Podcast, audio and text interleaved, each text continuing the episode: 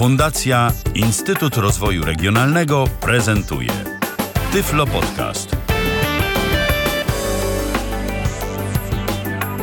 Rozpoczynamy kolejne spotkanie z audycją Tyflo Podcast na żywo na antenie Tyflo Radia. Mm, przypominam, że Tyflo Podcast, jak i Tyflo Radio są to po prostu media mówiące o tym wszystkim, co istotne dla osób niewidomych i słabowidzących. A ja dziś chciałbym powiedzieć jeszcze taką ciekawostkę i dwie rzeczy powiedzieć. To znaczy, jedna to będzie ciekawostka, a druga to będzie rzecz natury organizacyjnej. E, pierwsza rzecz e, to dziś zajrzałem sobie na stronę z najodleglejszymi odcinkami Tyflo Podcastu i wiecie co? Okazało się, że już 6 lat to dla was robimy. Dokładnie mm, pierwszy odcinek Tyflo Podcastu, e, materiał Tomka Bileckiego pod tytułem Kajetek ukazał się 7 marca 2008 mm, roku. Także dziś można powiedzieć, że stuka nam kolejna rocznica szósta. E, cóż ja mogę powiedzieć? Bardzo się cieszę. Miejmy nadzieję, że będziemy mieli okazję dla Was e, publikować audycje e, w takiej albo jeszcze jakichś innych formach przez kolejne 6 lat, albo nawet 60 lat, albo nawet jeszcze więcej. A druga organizacyjna kwestia, już nie informacyjna, tylko organizacyjna, to jest ostatnia audycja w Tyflo Radiu przed trzytygodniową przerwą. Robię sobie trzytygodniowy urlop i po trzech, trzech tygodniach znowu tu wracam wracam. Nie oczywiście sam, ale z różnymi współprowadzącymi i będziemy rozmawiać na wszelakie tematy istotne dla osób niewidomych i e, słabowidzących. Tyle słowem wstępu, a teraz witam bardzo serdecznie mojego dzisiejszego gościa, czyli Pawła Masarczyka. Witaj Pawle. Witaj Michale, witam wszystkich słuchaczy Tyflo Podcastu. Dobry wieczór. Dobry wieczór. Będziemy dziś rozmawiać o telefonach komórkowych. Będziemy mianowicie zderzać rzeczywistość systemu iOS z rzeczywistością systemu Android. Bo ty, Pawle, od jakiegoś czasu yy, porzuciłeś iOS-a na rzecz Androida, tak?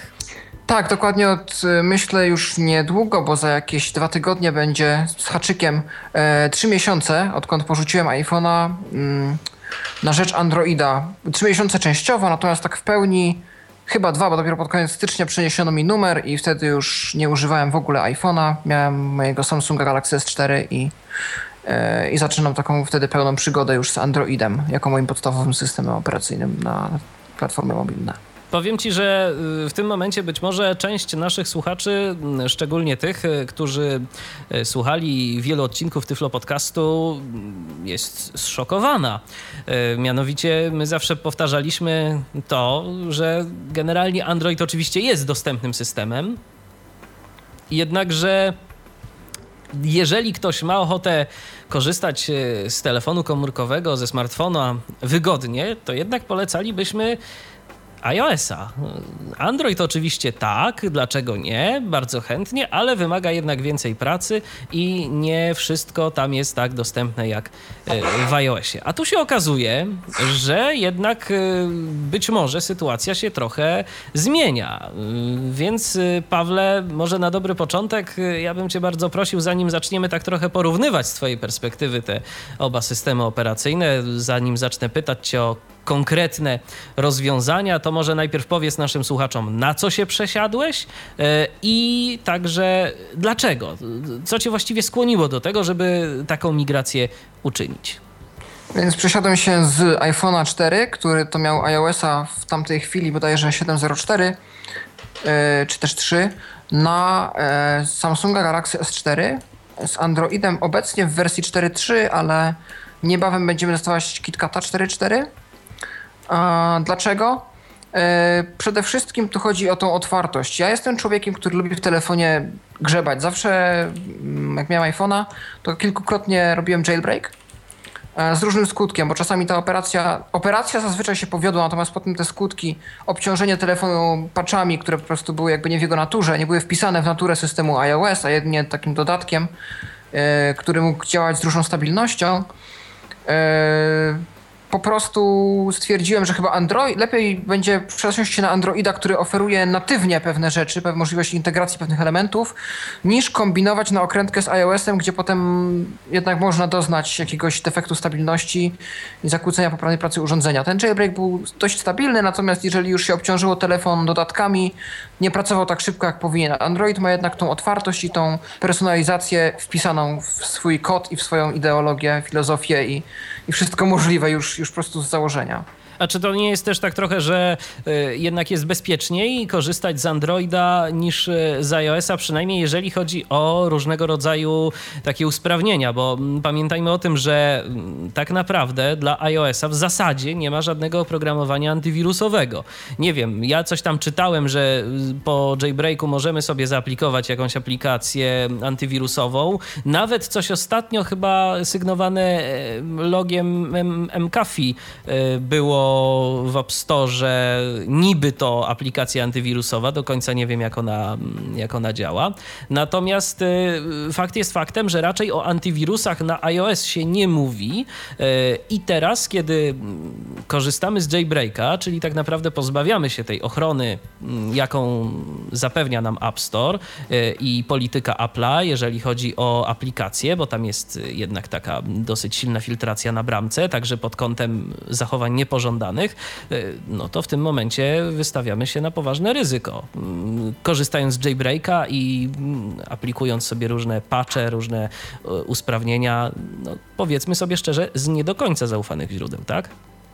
E, to znaczy, ja myślę, że z tym jest tak jak z każdym systemem operacyjnym, który oferuje nam jakieś nieograniczone możliwości. Mamy Windowsa, w Windowsie nie jesteśmy specjalnie ograniczani. Możliwość integracji jest dowolna, e, Microsoft tu specjalnie nie ogranicza. Pewnie to prawdopodobnie ograniczenia jakieś istnieją, ale nie jesteśmy zamykani wewnątrz konkretnego sklepu i spoza którego nie możemy pobrać żadnej aplikacji. I tutaj już yy, Microsoft postawił na inteligencję i no inteligencję może to za mocno powiedziane, ale rozwagę użytkownika końcowego który ściąga programy z zaufanych źródeł. No tak, Pawle, tylko nie zapominajmy, że w przypadku Windowsa to y, raczej y, rzadko kiedy można się spotkać z użytkownikiem, który korzysta z tego systemu bez zainstalowanego oprogramowania antywirusowego. A na iOSie za bardzo nawet takiej możliwości nie mamy żeby się w ten to, sposób zabezpieczać. Tak, to się zgadza, dlatego właśnie w tak zwanej CIDI, czyli tym sklepie po jailbreakowym są tak zwane oficjalne repozytoria, gdzie raczej nic szkodliwego się nie pojawi, ponieważ są one też podobnie jak App Store administrowane przez e, ludzi światłych, którzy tam stoją na straży naszego bezpieczeństwa i są źródła mniej zaufane, przed którymi Cydia nas ostrzega, że cokolwiek stamtąd ściągamy, ściągamy na własną odpowiedzialność. Z mhm. reguły większość takich znanych y, tweaków, patchy, udogodnień znajduje się w repozytoriach oficjalnych. No tylko, że niektóre z nich są płatne, no, a potem w różnych, z różnych powódek ludzie wygrywają repozytoria nieoficjalne. Zgadza się. E, to teraz może e, powiedz, e, Pawle, jakie są, mm, może inaczej, czego ci właściwie brakuje? Czy, czy są takie rzeczy w iOSie, w Androidzie, przepraszam bardzo, których ci brakuje w porównaniu do iOS-a? Jak to, jak to wygląda? Przede wszystkim coś, co mnie teraz uderza, to jest z uwagi na dużą popularność iPhone'a rosnącą cały czas w Polsce i nie tylko, w ogóle wśród osób niewidomych, a brak FaceTime'a i iMessage. To było takie podstawowe narzędzie komunikacji wiedziałem, że jak mój znajomy ma iPhone'a i ja mam iPhone'a, tudzież inne urządzenie firmy Apple, to jesteśmy w stanie się skontaktować praktycznie w każdej chwili. I ja jestem pewien, że uda mi się tę komunikację osiągnąć. Jak nie teraz, to później. Jak nie dodzwonię się na FaceTime'a, to napiszę iMessage. E, I sytuacja jest jasna. Na Androidzie jest to trochę bardziej rozdrobnione, czego się można było spodziewać z uwagi na naturę tego systemu. Mm, Google niby stworzyło Hangouts. Te Hangouty nie oferują co prawda rozmów głosowych, tak jak to oferuje od niedawna też zresztą FaceTime, tylko rozmowy wideo i czaty tekstowe. Natomiast no, te hangouty mają ludzie na Androidzie, nie wszyscy je też załączają, bo czasem ktoś po prostu tej aplikacji nie otworzy, a nie jest to już tak, aż tak integralna część systemu. To jeszcze też wszystko zależy od telefonu, jaki posiadamy. Um, przede wszystkim, aha, Samsung ma swojego chat-ona, który też jest dostępny na iOS-a, tak samo jak Hangouts. Obydwie aplikacje i Hangouts i Chaton no, nie pokazują zbyt wysokiego poziomu dostępności na iOSie, mnóstwo za niezaetykietowanych przycisków. Nie jest to intuicyjny interfejs, więc tu sytuacja wygląda trochę gorzej, jeżeli chodzi o wbudowany komunikator. Poza tym nie za bardzo intuicyjnie rozwiązane jest w Androidzie i to mogę tutaj przyznać e, przełączanie tej szczegółowości. Znaczy na to jest gestura, e, natomiast jeżeli chcemy mieć początek i koniec, przejście na początek ekranu i na koniec ekranu, co w iOSie osiągamy e, stukając czterema palcami w górę ekranu i w dół, no to musimy wybrać albo ten gest, to jest akurat gest pociągnięcia palcem w dół, w górę albo w górę, w dół, taki szybki ruch, dość zamaszysty, jednym palcem, a no to musimy zdecydować, czy chcemy, aby ten gest wykonywał y, nam akcję przejścia do początku lub końca ekranu, czy zmianę szczegółowości. Jeżeli zdecydujemy się na przejście na początek, koniec ekranu, wtedy szczegółowość zmieniamy przez tak zwane menu globalne, tudzież lok, chyba lokalne, teraz już nie mylą mi się jeszcze te pojęcia troszeczkę a, czyli wykonujemy gest pociągnięcia w górę i w prawo, bo w Androidzie gesty, o ile w iPhone'ie gesty opierają się, o czym pewnie będziemy jeszcze mówić, na użyciu większej ilości palców, to w Androidzie troszeczkę na rysowaniu pewnych kształtów dość prostych. I dopiero po wykonaniu tego gestu a, pojawia nam się jakby takie koło opcji i też musimy palcem kreślić takie jakby koło i w tym kole szukać tego, co nas interesuje uaktywnia nam się tryb powiedzmy literowania i wtedy palcem w prawo albo klawiszami głośności e, od Androida 4.3 e, nawigujemy po tam znakach czy wyrazach, więc pokrętło jest jak widać praktyczniejsze. E, tak samo pewne możliwości programistyczne. Pewnie kojarzycie aplikacje takie jak Flexy czy Embrail i wiecie, że programista może sobie zarezerwować pewną część ekranu na swoją aplikację i wtedy gesty voiceover nie ingerują w to, co my tam robimy. No w talkbacku niestety tak się nie da i na przykład Flexy wymaga tymczasowego wstrzymania talkbacka, żeby wprowadzać tekst. A y, jakieś aplikacje do pisania braillem, skoro już jesteśmy mm, w tym temacie, istnieją na Androida? Coś jest takiego, co można by było polecić przy okazji? Yy, zdaje się, że chwilowo nie. Ktoś coś pisze w tym momencie. Zdaje mi się, chyba ktoś tam z jakiegoś azjatyckiego kraju. Teraz coś czytałem na liście Ice Free. Natomiast to są jeszcze prototypy. Mm, tego nie mają wszyscy. No próbuję namówić na razie autora Embraila, żeby też coś pokombinował z Androidem i być może mi się uda, bo ma już tableta i będzie być może jakieś eksperymenty robił, natomiast no to nie jest nic pewnego i nadziei żadnych bym tu jeszcze nie, nie chował w tym. Rozumiem. E, tak e, mówiłeś, że brakuje ci FaceTime'a e, i iMessage. Ja coś czytałem, nie wiem czy ty w ogóle to testowałeś i nie wiem czy ta aplikacja jeszcze jest, ale ktoś coś nieoficjalnego zrobił, jakiegoś klienta FaceTime'owego na, na Androida. Gdzieś o, tym, gdzieś o tym czytałem, nie wiem, słyszałeś coś o tym? To, był, to jest klient iMessage, ja o tym słyszałem, natomiast ja bym był z tym ostrożny, już nawet hakerzy od Jailbreaka ostrzegali, że ta aplikacja mm, wysyła jakieś dane przez jakiś e, trzeci chiński serwer i nie wiadomo, gdzie te nasze Apple ID i inne dane trafiają. Czyli z tym trzeba by było po prostu ostrożnie, jeżeli ktoś ma podpiętą, przede wszystkim jeżeli ma podpiętą jakąś kartę kredytową, dajmy na to. Tak, zgadza się, dokładnie. Mm -hmm. Więc to, więc, więc na, to, na to ostrożnie. No ale swoją drogą ciekawe, czy jest to jakoś y, dostępne w ogóle, czy, czy takie możliwości są i czy to wspiera też te połączenia głosowe, bo samo pisanie... No z tego co wiem, to był tylko iMessage, to nie był aha, FaceTime. Aha, czyli FaceTime'a tam, czyli FaceTime'a tam nie było. No dobrze, to mm, zanim przejdziemy do kolejnych pytań, ja przypominam, że można do nas dzwonić 120 23 834 835 to telefon stacjonarny, tyflopodcast.net y, to nasz Skype piszemy nasz login tyflopodcast.net, to teraz, Pawle, może porozmawiajmy na temat y, TalkBacka, czyli programu odczytu ekranu y, w Androidzie. Jakbyś porównał prostotę albo złożoność jego używania, o czym już trochę zacząłeś mówić, do VoiceOvera? E, no przede wszystkim zacznijmy od tego, że wiele takich rozwiązań, które my znamy z Apple, które są bardzo łatwe, są opatentowane, bo Apple lubi wszystko patentować i z wojen patentowych, w których często wygrywają, są znani. E, no więc z uwagi na to, że wszystko co łatwe zostało opatentowane przez Apple, e, Google musiało szukać alternatywnych rozwiązań. No i na przykład do takich mniej intuicyjnych moim zdaniem należą te menu globalnego, lokalnego kontekstu. To jest całkiem przyjemne, bo tam jest dużo takich przydatnych opcji. Um, natomiast y, no, mi osobiście wydaje się, że użytkownik nowy um, uzna pokrętło, które by znamy z iOS-a, za coś łatwiejszego. I będzie narzekał na to menu globalnego lub lokalnego kontekstu. No chyba, że nie będzie znał iPhone'a i od razu przesiądzie się z Symbiana czy z czegoś jeszcze innego, czego używał przedtem, e, na iPhone'a, e, przepraszam, na Androida i nauczy się już filozofii androidowskiej od początku i wtedy iPhone będzie tylko łatwiejszy, ale Android będzie już opanowany. Druga rzecz, która mnie bardzo denerwuje i przeszkadza mi poniekąd, to jest brak takiej wielojęzyczności. To, że nie da się szybko przełączyć języka syntezatora, czy tam syntezatora nawet w locie, to jest jedna rzecz. Na iPhone'ie możemy zrobić to bez problemu, przypisać kilka języków do pokrętła. Natomiast w Androidzie jest o tyle źle, że tam, na ile zdążyłem to już yy, zbadać, język, syntezator jest przypięty do języka. I w tym momencie, kiedy ja zmieniam język na przykład na angielski, żeby komuś, kto polskiego nie zna, dać się pobawić telefonem, yy, synteza znika. I potrzeba pomocy osoby widzącej, żeby aktywować język yy, tam angielski syntezy. Miałem już raz taką sytuację z telefonem. Nie moim, niemniej jednak. No i przede wszystkim iPhone e, ma to wszystko tak zgrane. To znaczy, to wynika z tego, że iPhone to jest jeden telefon. No dobra, tam są różne modele, ale to są powiedzmy te aktualizacje, czyli to jest iPhone starszy, iPhone trochę nowszy, iPhone jeszcze nowszy, ale cały czas jest to iPhone. I tam wszystko jest dopasowane i stworzone pod tego iPhone'a, żeby tworzyło taką jedną, jednolitą całość. E, dlatego wyciągamy iPhone'a z pudełka, naciskamy trzy razy Home i już na ekranie powitalnym mówi za nas Voice Over, wszystko jest jasne. W Androidzie teoretycznie jest gestura, która uaktywnia dostępność e, przy pierwszym użyciu. W praktyce działa tylko na Nexusach.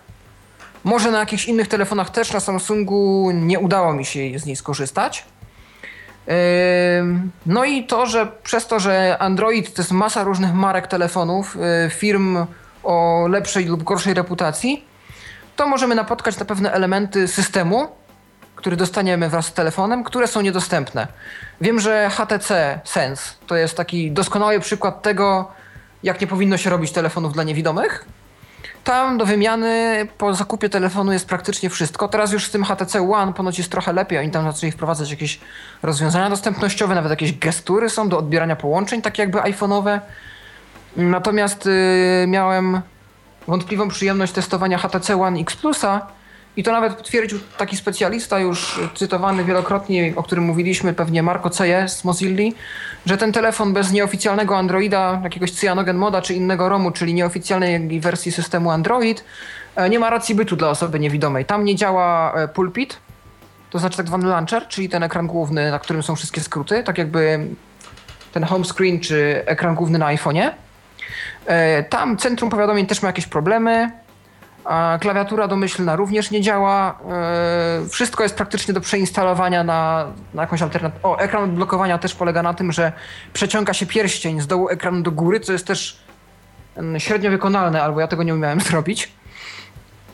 E, pełno jest rzeczy, które po prostu domyślnych, takich danych przez producenta, które nie działają. I teraz użytkownik nowy, który kupuje taki telefon u operatora, może czuć się mocno zakłopotany, zwłaszcza jak nie zna Androida i spodziewa się przyjaznego urządzenia, które po prostu będzie działać albo przy jakiejś tam drobnej wprawie e, da się opanować. A tutaj mamy urządzenie, w którym praktycznie e, większość elementów systemu trzeba zainstalować, trzeba zamienić na jakieś inne, albo najlepiej to wymienić cały system.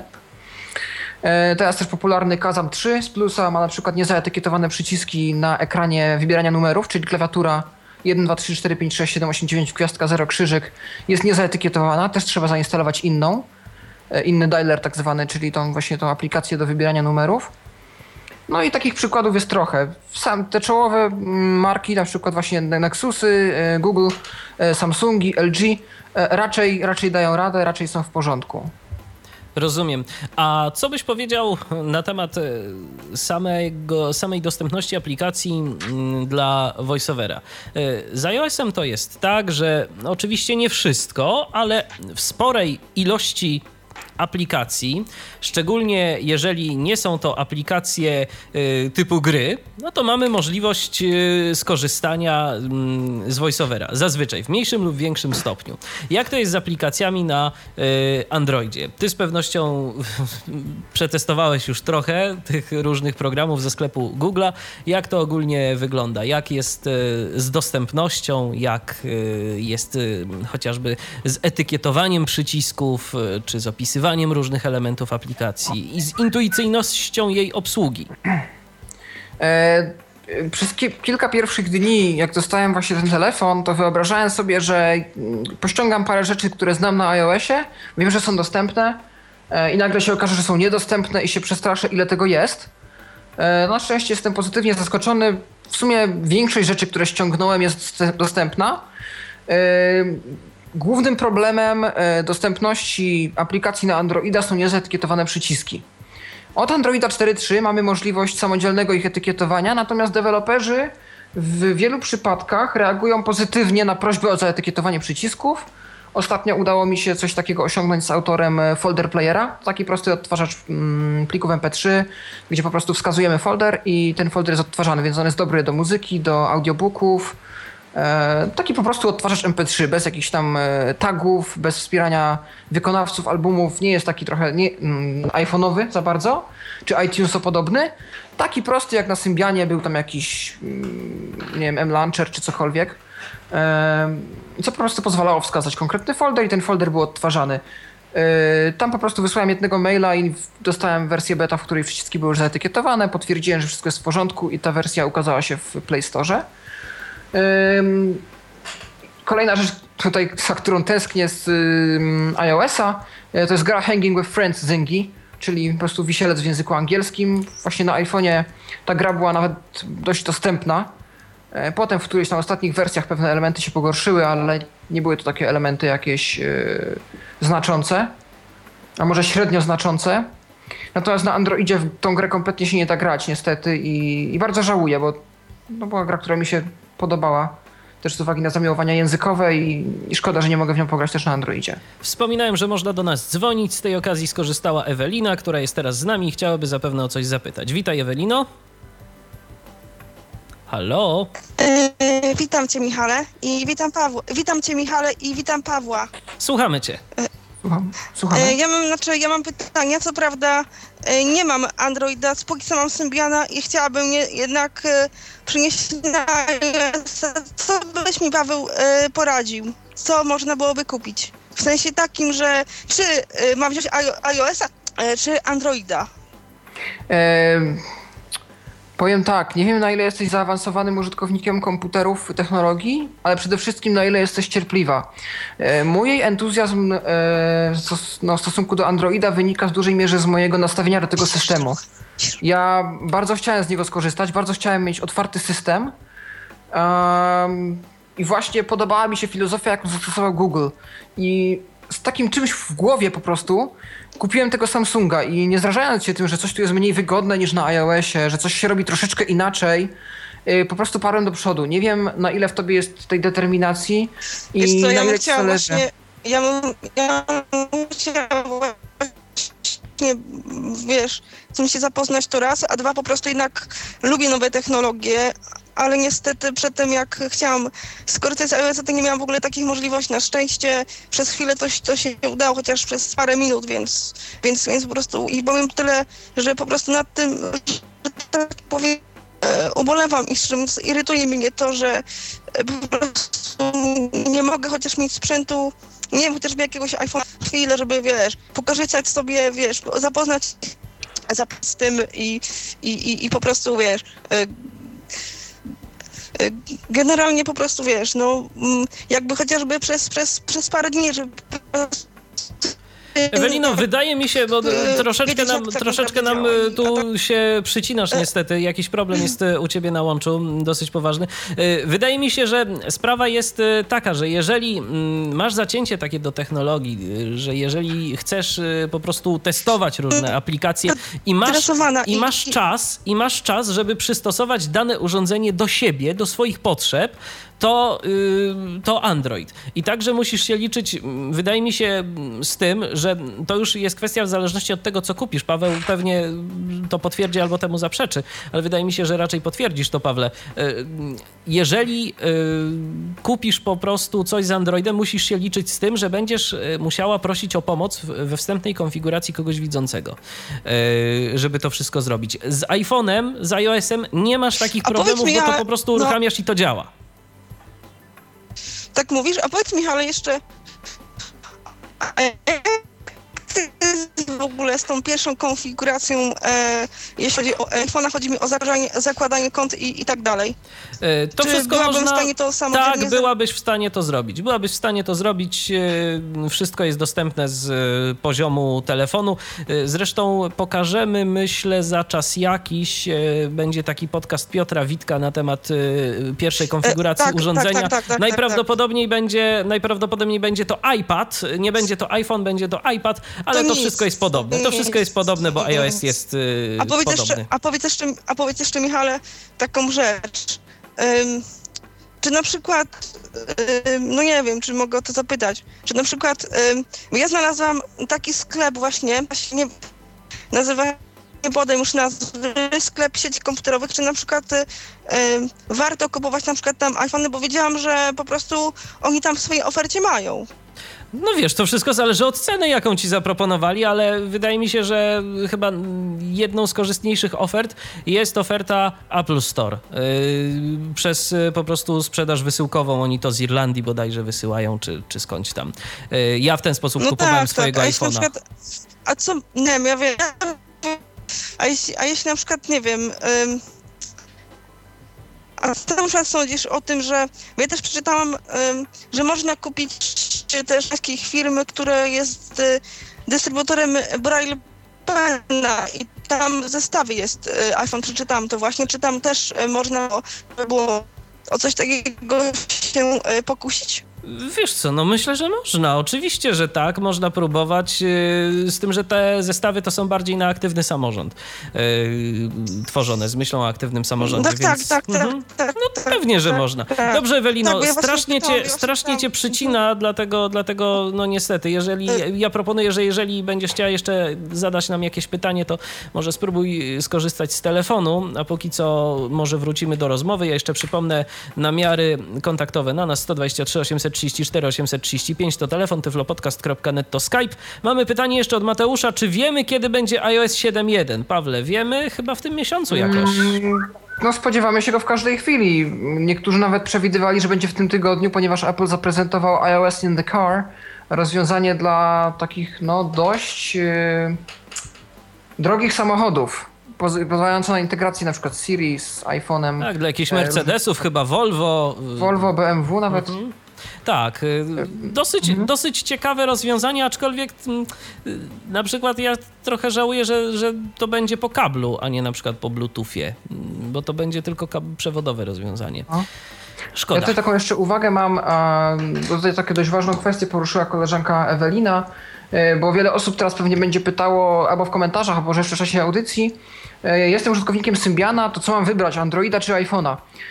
Ja myślę tak, jeżeli, jeżeli was na to stać, jeżeli macie trochę pieniędzy albo będziecie się starać o dofinansowanie z aktywnego samorządu, a wolicie rozwiązanie, które jest jednak proste, pewne i na pewno będzie działać, to myślę, że iPhone byłby dla was. Jeżeli po prostu nie mielibyście cierpliwości na Androida, gdzie to może w zależności od telefonu do telefonu wyglądać różnie. Tu trzeba by stworzyć jakiś katalog telefonów, które domyślnie dobrze działają, albo działają dobrze, ale po pewnych konfiguracjach. No bo to poniekąd wynika z otwartości i różnorodności. To myślę, że firma Nuance czy Code Factory tworząc y, Mobile Speaka czy Toxa dla Toxa czy Mobile Speaka dla różnych Nokii też się borykała z różnymi problemami w różnych modelach słuchawek. Um, to w tym momencie iPhone będzie dla Was ok. Natomiast jeżeli na przykład e, no nie macie specjalnie szansy na dofinansowanie, chcielibyście mieć jakiegoś smartfona, to myślę, że Android będzie ok. On też działa. E, trochę będziecie musieli na tym spędzić czasu. Natomiast jak już nauczycie się Androida, to iPhone będzie tylko prostszy, a za dużo mniejsze pieniądze dostaniecie telefon, który również potrafi całkiem sporo. No tak, na przykład teraz ten popularny Kazam 3. Dokładnie, a ten telefon po jakichś tam odpowiednich modyfikacjach, przystosowaniach, e, nie jakoś bardzo skomplikowanych, bo na przykład naszemu redakcyjnemu koledze Tomkowi Bileckiemu zajęło mm, przystosowanie tego telefonu do swoich potrzeb jakieś tam chyba, nie wiem, dwa albo trzy dni. Tak posiedział nad tym i, i to wszystko sobie poustawiał. Tak. E, Musiał tam, e, co prawda, wymienić kilka aplikacji, ale to wszystko jest do zrobienia. Tomek myślę, że nagra na temat tego urządzenia podcast mhm. i, i, opowie o swoich wrażeniach. Z tym, że od razu no, warto powiedzieć, ten telefon raczej nie będzie podobał się każdemu. Jeżeli ktoś y, chce mieć wygodę w korzystaniu z telefonu, nie chce sobie jakoś tam komplikować y, nadmiernie życia, to chyba jeszcze jednak, y, Pawle, z Androidem jeszcze chyba nie jest do końca to, co? Tak, to może być takie odczucie właśnie jakiegoś e, braku, że coś tam nie jest spójne, że coś nie do końca działa. No niemniej jednak, tak jak powiedziałem, jeżeli ktoś lubi albo eksperymentować, to jest mm, mój motyw, żeby moja motywacja, żeby kupić Androida e, lub z jakichś innych przyczyn po prostu chciałby tego systemu poużywać, albo po prostu e, ma do dyspozycji mniejszy budżet, e, no to polecam Androida. Już nawet Nexus 5, który jest jakby takim czołowym reprezentantem tego systemu, jest e, chyba tańszy od iPhone'a, przynajmniej za granicą. Mhm. Mhm. a Pawle, wracając do jeszcze dostępności, yy, powiedziałeś już o dostępności, że tam z tymi przyciskami istotnie są problemy, ale autorzy raczej są otwarci. A powiedz mi, jak jakby intuicyjnością y, tych y, różnych rozwiązań. Chodzi mi o to, jak to wygląda, jeżeli chodzi o in, y, jakby jednolitość interfejsu, bo przyzwyczailiśmy się y, w iOSie, że mamy różne mm, takie elementy standardowe w konkretnych miejscach. Na przykład tam na dole okna są zakładki, y, w górnym lewym rogu jest przycisk wstecz przeważnie y, i jeszcze kilka takich różnych elementów charakterystycznych. A jak to jest w aplikacjach androidowych? Powiem tak, e, jedna rzecz, która na pewno się spodoba użytkownikom Symbiana, którzy przechodzą, e, w iOSie już tego nie ma, dawno o tym zapomnieliśmy. Mamy do dyspozycji przycisk e, sprzętowy lub dotykowy, natomiast zawsze jest on stały. Menu i back. To jest coś jakby F1 i F2 w Symbianie. Czyli wiele aplikacji ma swoje menu kontekstowe, które oferuje nam pewne jakieś opcje, zakładki, a rzadko kiedy przełączniki. Y, no trochę to, co znaleźlibyśmy w typowym menu pod klawiszem F1 w Nokii Symbianowej, a back to po prostu powrót, względnie wyjście z aplikacji. I to jest coś, co mi się podobało. Przypomina mi te stare czasy właśnie Nokii jeszcze z fizyczną klawiaturą i tego, jak wyglądał y, interfejs typowej aplikacji właśnie symbianowskiej. Y, w iPhone'ie te aplikacje wyglądają bardziej jak strony internetowe. Mamy jakieś nagłówki, mamy jakieś przyciski, kontrolki. To było dla mnie zupełnie nowe, jak przeszedłem z Nokii na iPhone'a i mogłem się do tego przyzwyczaić, natomiast czułem się, jakbym korzystał z wszystkiego w przeglądarce, a gdzieś w środku mam takie jakieś estetyczne odczucia, że to nie jest mój ulubiony sposób korzystania z programów. Niemniej jednak przyzwyczaiłem się, ale miło widzieć w Androidzie powrót tych elementów. Oprócz tego, no tak samo jak w iOSie, możemy nauczyć się rozmieszczenia pewnych stałych elementów mm, programów. E, przycisk back, e, nawiguj w górę, tutaj TalkBack mi go oznajmia w większości przypadków, jest zazwyczaj w lewym górnym rogu ekranu. Jak wyglądają zakładki? E, zakładki na przykład już zależą od konkretnego dewelopera, konkretnego programisty aplikacji. Na przykład natywny telefon w Samsungu, aplikacja telefon, tak jakby odpowiednik aplikacji telefon na iOSie, swoje zakładki ma u góry, nad klawiaturą. Powiedzmy, że mam otwartą klawiaturę i nad klawiaturą mam tam spis połączeń, kontakty, klawiaturę i ulubione. W iPhone'ie mam to, tak jak we wszystkich aplikacjach iOS-owych, pod spodem. Więc te zakładki często występują u góry.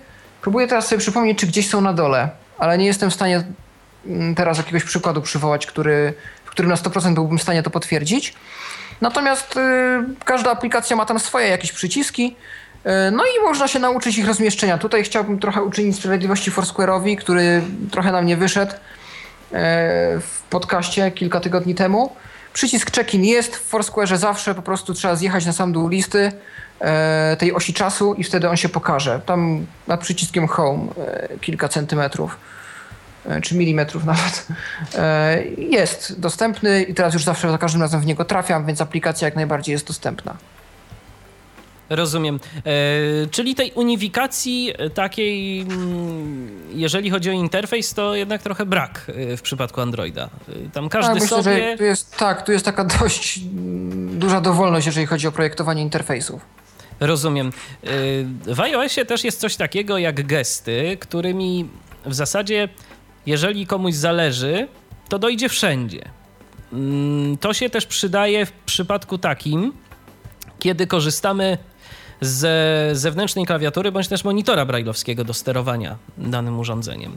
A jak to wygląda w przypadku Androida? Czy mm, tu także mamy możliwość dotarcia do wszystkiego albo prawie wszystkiego, yy, szczególnie w aplikacjach systemowych za pomocą gestów, czy jednak tu kłania się bardziej tryb eksploracji, czyli jeździmy palcem po ekranie, szukamy jakiegoś elementu i kiedy go znajdziemy, to go po prostu aktywniamy?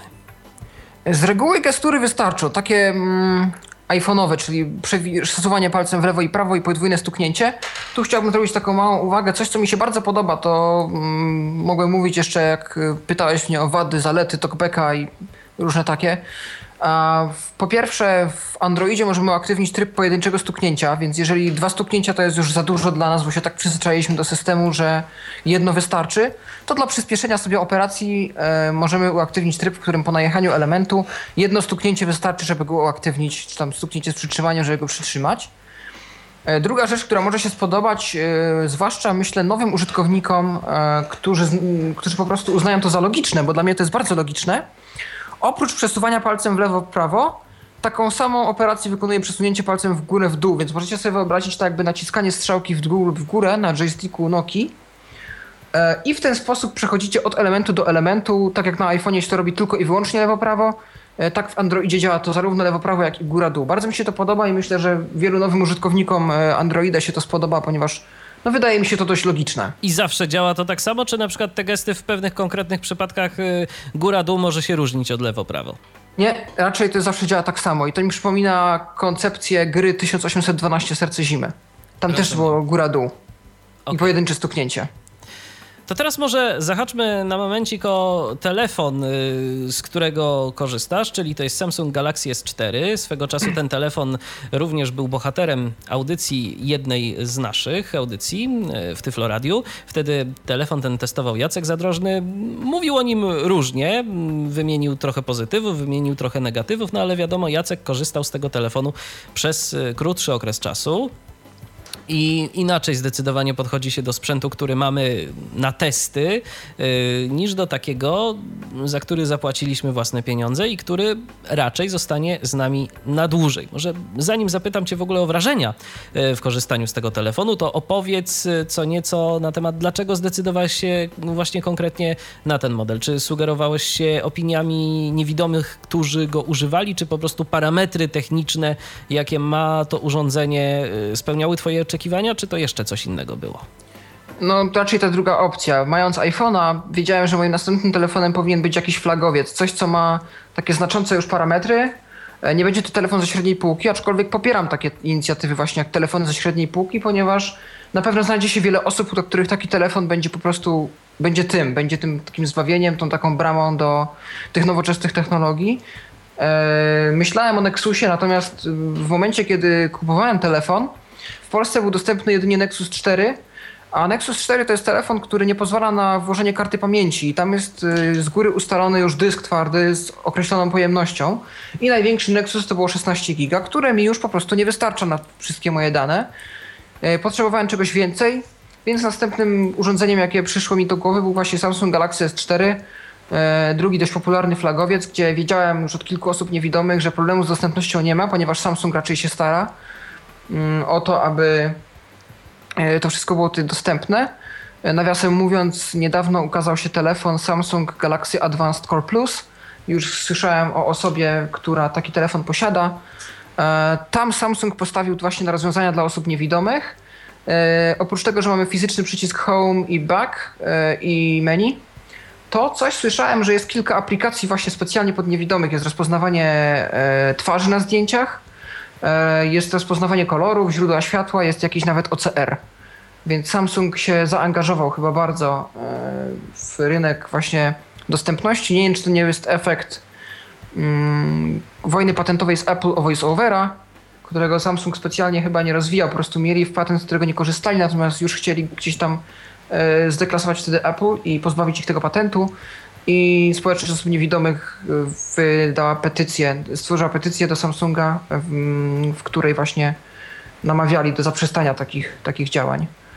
Y, I myślę, że właśnie Samsung Galaxy S4 był takim dobrym wyborem. Znałem, tak mówiłem, znałem parę osób, które go używały.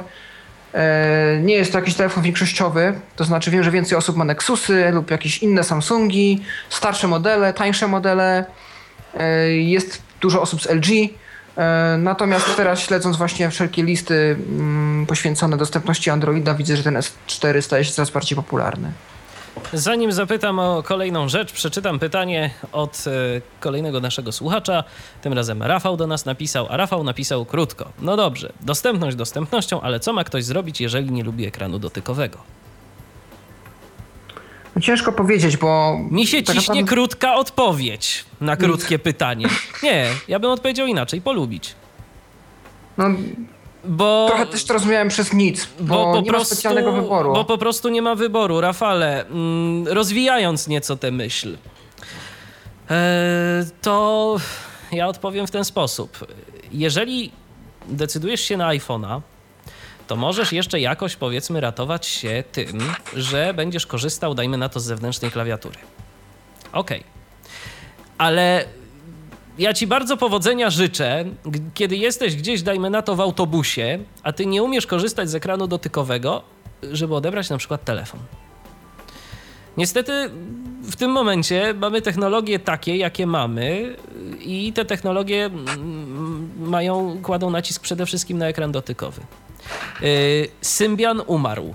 Można się jeszcze przez kilka lat trzymać telefonów symbianowych, ale sensownych y, urządzeń z nowym Androidem, bo ja pomijam w tym momencie mm, na przykład, y, jak ten telefon się nazywał, Sony, Sony Xperia Mini Pro chyba, tak? Jest, e, tak. To, to, no właśnie, bo ten, ten, ten telefon nie ma już y, nowych Androidów i mieć nie będzie. No, oficjalnie nie. Dokładnie, chyba, że mu się zaaplikuje jakiegoś tam cyjanogena albo coś podobnego. Ale ten telefon poza tym jest po prostu, no, słaby, no, słabo to działa. Jakoś mi się, miałem okazję się bawić, to mi się jakoś nie bardzo podobał.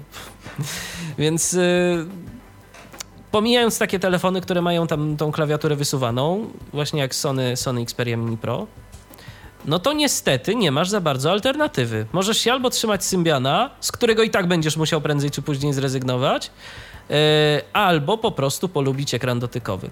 Ewentualnie wspomagając się klawiaturą, tak jak robi to nasz redakcyjny kolega Michał Kasperczak. No tylko, że Michał, gdyby w tym momencie nas słuchał, to pewnie też by powiedział, że samą klawiaturą robić się rzeczy nie da. No chyba, że jesteśmy ludźmi, którzy siedzą cały czas w domu, nigdzie się nie ruszają i swoje stanowisko pracy z telefonem to mają gdzieś rozłożone na biurku.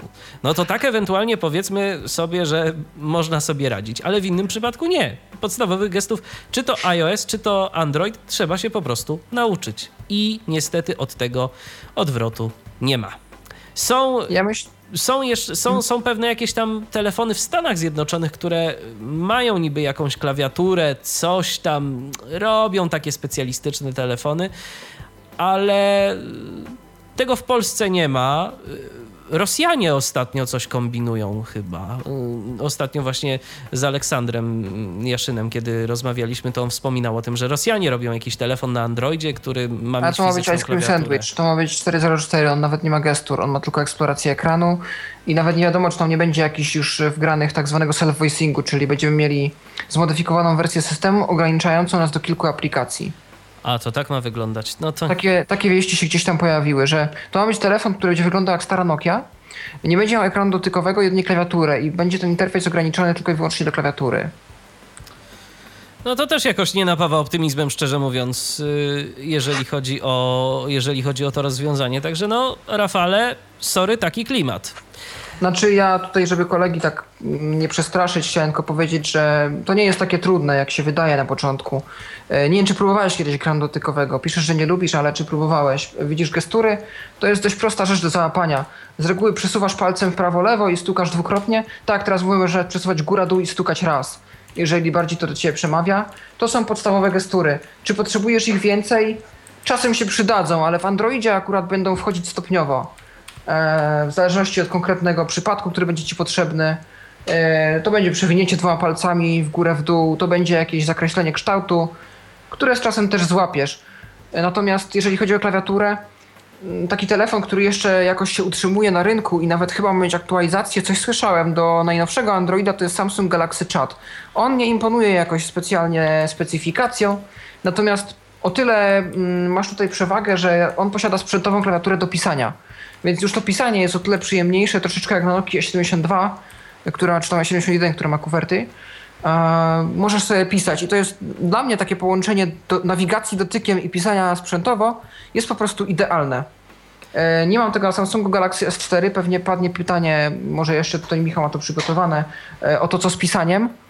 E, no chwilowo brakuje mi bardzo tej foliki brajlowskiej, e, to się nazywało Speed Dots, którą miałem na iPhone'ie. Nie ma tego na telefony androidowe i w sumie się nie dziwię, bo na Androidzie można zainstalować milion w cudzysłowie różnych klawiatur. Każda wygląda inaczej i ciężko zrobić folię pod konkretny telefon z konkretną rozdzielczością ekranu i konkretną klawiaturę jeszcze. E, Więc na razie wolne pisanie mm, na ekranie dotykowym plus dyktowanie na przykład za pomocą e, w klawiaturze swipe wmontowany jest silnik ten niuansowski Dragon, który jest dość dokładny. Więc połączenie tego i klawiatury dotykowej jak na razie zdaje egzamin jakoś. E, Natomiast ja wierzę w to, że klawiatura Flexy, która pozwala na po prostu stukanie w miejscu, gdzie litera powinna naszym zdaniem być, e, coś jak T9, takie domyślanie się przez aplikację, co chcemy napisać, wierzę, że niedługo dostanie też polskie wsparcie językowe i wtedy będziemy mogli w ten sposób pisać. To jest dość duże udogodnienie. Testowałem to w języku angielskim na iOS i było to dość dokładne. Jeszcze tu Mateusz nam się pochwalił, że on na iPhone'ie potrafi pisać SMS-y z kieszeni i nas pozdrawia. No, gratulujemy ci, Mateuszu, po prostu. No, cóż Potrafisz tak, potrafisz tak zgiąć palce, to gratulacje. Ja bym nie ryzykował. Znaczy ryzykować sobie można, natomiast chyba za zbyt efektywnie bym tam nie doszedł. Niemniej jednak no jest, to, jest to duże udogodnienie. Wiele osób pewnie może o tym pomarzyć i a, jesteś dla wielu przykładem sprytu. Dokładnie, dokładnie. Także gratulacje Mateuszu i życzymy powodzenia e, w, dalszych, e, w dalszym zdobywaniu umiejętności i zręczności. E, 123 834 835 to telefon tyflopodcast.net e, to jest nasz Skype. Możecie dzwonić, możecie pisać, szczególnie na Skype'a możecie pisać, bo bo z telefonem to będzie jakiś chyba jednak problem. Rafał do nas przed momentem pisał, a teraz do nas Rafał dzwoni. Może będzie chciał jeszcze o coś zapytać. Witaj Rafale. Już, już, momencik, tylko wyłączę radio. Dobrze, dobrze, wyłącz radio. My poczekamy. Już? Momencik, momencik. Dobrze. No to jeszcze chwilę poczekamy, aż Rafał wyłączy radio. Okej, no to słuchamy Twoich pytań. E, e, Dzwonię, żeby e, doprecyzować moją wiadomość dokładnie, o co mi tam chodziło. Słuchamy.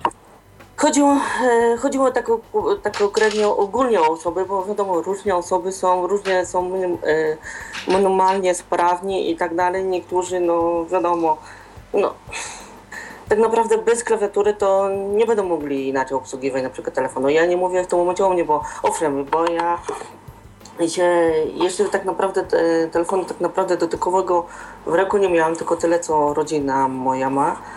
I, i się owszem, tego się, się nauczę. Ja chodzi o y, sprzęt w ogóle, to szybko się nauczę. Tylko tak powiedziałam, to miałam generalnie na myśli tak wszystkich, bo przecież... Nie no, Rafale, my to rozumiemy oczywiście, natomiast y, no, to, co mówimy, to raczej dotyczy wszystkich, nie tylko ciebie, tylko ogólnie dotyczy to mm, wszystkich osób. Y, Wiesz, z podstawowych y, jakby funkcji telefonu, na przykład w iPhone'ie mamy to wybieranie głosowe. Y, Możesz sobie długo przycisnąć home mm, i w tym momencie mówisz, że na przykład zadzwoń do Jan Kowalski, i y, w tym momencie iPhone dzwoni. Albo na przykład możesz powiedzieć zadzwoń do 123 834 835. iPhone dzwoni. Więc przyciśnięcie jednego guzika, no to jest rzecz, którą większość osób będzie w stanie zrobić, ale poza tym w Polsce przynajmniej głosowo iPhone'a obsłużyć się bardziej nie da. Z Androidem, Jeszcze gorzej. z Androidem no właśnie lepiej chyba, Pawle, prawda? Chyba trochę E, lepiej. Tak, na Androida jest, ja ostatnio znalazłem taką prostą aplikację asystencką, nazywa się Jobak. E, Jemu można wydawać różne komendy. Tam można otworzyć mu mapy Google, aby gdzie, gdzie się sprowadziły, można SMS-a napisać, można zadzwonić, a parę innych akcji można wykonać. Przepraszam, to mój. Chyba właśnie twoja Nokia się odezwała. Natomiast tak, e, tak wracając do przycisków, do ludzi, którzy nie lubią ekranów dotykowych, przede wszystkim, żeby czegoś nie lubić, trzeba tego najpierw spróbować. I myślę, że gdyby wiele osób, które dzisiaj twierdzą, że nie lubią dotykowych telefonów, bo im się kojarzą je z czymś trudnym, niewykonalnym dla osób niewidomych, gdyby zobaczyło, jak to działa w praktyce, to by się przekonało. A jeżeli ktoś rzeczywiście nie jest w stanie z przyczyn różnych manualnych i tak dalej, no to mm, jeżeli chodzi o Androida, to od klawiatury Bluetooth y, o wiele lepsza będzie prawdopodobnie linijka brailleowska, ponieważ tam jest ten brailleback, który ma jakiś tam system y, jeszcze nietestowany przeze mnie różnych skrótów. Y, niestety z klawiaturą jest o tyle problem, że z uwagi na historyczne, że tak powiem, y, korzenie Androida w telefonach, które klawiaturę jednak miały, e, programista pisze z reguły osobny interfejs dla klawiatury i osobny interfejs dla ekranu. Czyli naciskanie strzałek w, na klawiaturze nie jest tożsame z wykonywaniem gestu prawo-lewo czy góra-dół na ekranie. I w tym momencie to, że dojdziemy gdzieś z ekranu nie oznacza, że do tego samego dojdziemy z klawiatury, więc klawiatura od nawigacji w Androidzie mm, nie jest za najszczęśliwszym rozwiązaniem, zwłaszcza teraz, kiedy tych telefonów jest coraz mniej i raczej deweloperzy skupiają się na interfejsach dla ekranów dotykowych. Bo po prostu Nie, nie- zazwyczaj nie oprogramują tego interfejsu klawiatury, tak? Tak, tak, tak. Niemniej jednak e, Android e, oferuje dużo większą dowolność, jeżeli chodzi o zarządzanie sprzętowymi klawiszami. Z reguły ich jest cztery, czasami trzy. E, home, głośność i power. I wiele telefonów oferuje możliwość odbierania połączeń przyciskiem home, e, zakończenia przyciskiem power. Coś, czego nie zrobimy na iPhone'ie. Na iPhone'ie mamy do tego gesty. A ponadto jest dużo aplikacji, które w różnych celach wykorzystują klawisze głośności. Mój taki faworyt to jest coś, co nazywa się Hand in Glove, czyli ręka w rękawiczce, bo to jest aplikacja, która z przeznaczenia być używana przez y, ludzi, którzy mają telefon, y, którzy mają rękę w rękawiczce i chcą szybko zadzwonić. Po pierwsze można odbierać i odrzucać połączenia klawiszami głośności. To jeżeli domyślnie nie ma wbudowanej opcji odbierania home'em, zakończenia powerem. Natomiast y, co mi się jeszcze bardziej podoba, na ekranie odblokowania mamy możliwość przewijania klawiszami od głośności e, listy ostatnio wykonywanych, odbieranych, nieodebranych połączeń i w momencie, kiedy trafimy na osobę z tej listy, do której chcielibyśmy zadzwonić, możemy przytrzymać klawisz głośności w górę i wtedy wykonujemy połączenie. Mhm. A w którym to systemie to tak jest? Tak. E, To jest aplikacja, możesz ściągnąć na dowolnego Androida. Aha, to Nazywa na się Hand in tak? Glove i można ściągnąć to z play, ze sklepu Play. Jest to aplikacja darmowa. e, A propos rękawiczek, a propos rękawiczek, to powiem wam taką ciekawostkę jeszcze, skoro już Pawle o tym mówisz, że w Polsce już też są rękawiczki i takie nawet mam, e, do korzystania z urządzeń z ekranem dotykowym. Tobie to działa? Tak, Bo ja działa. miałem coś takiego w galerii krakowskiej do przetestowania i mi to nie działało. Działa. A to ile, a ile to kosztuje? Takie Wiesz co, nie, nie powiem ci ile to dokładnie kosztuje, bo dostałem to jako prezent, y, więc no z reguły o cenę prezentów się nie pyta, ale wiem, że wiem, że coś takiego jest i sprawdzałem to w praktyce i to po prostu działa. Tam jest wszyta taka jakby specjalna nić, która yy, to wiadomo, że cała rękawiczka nie działa, ale kilka palców yy, jakby mają naszytą tą taką nić i po prostu to w tym momencie działa. Bez problemu można korzystać y, z y, ekranu dotykowego. Sprawdzałem na y, iPhone'ie 5, po prostu to działa. Ja tylko tu chciałam jeszcze tylko dodać, bo to bo Android tutaj jest mówione, że jest, będzie lepszy od iOS-a, no ale to jak tu było powiedziane w sumie, że ktoś będzie chciał na przykład mieć już sprawny, żeby wszystko działać i tak dalej, no wiadomo, pewne, stabilne. Ja na przykład powiem szczerze, ja jak będę zmieniał telefon, to tylko na iPhone'a, bo po pierwsze, tak powiedziałem, żeby był stabilny, a po drugie, nie, bym nie miał kto by na przykład mieć nawet, y, nawet y, osób, które by mogły mi nawet pomóc w tej konfiguracji.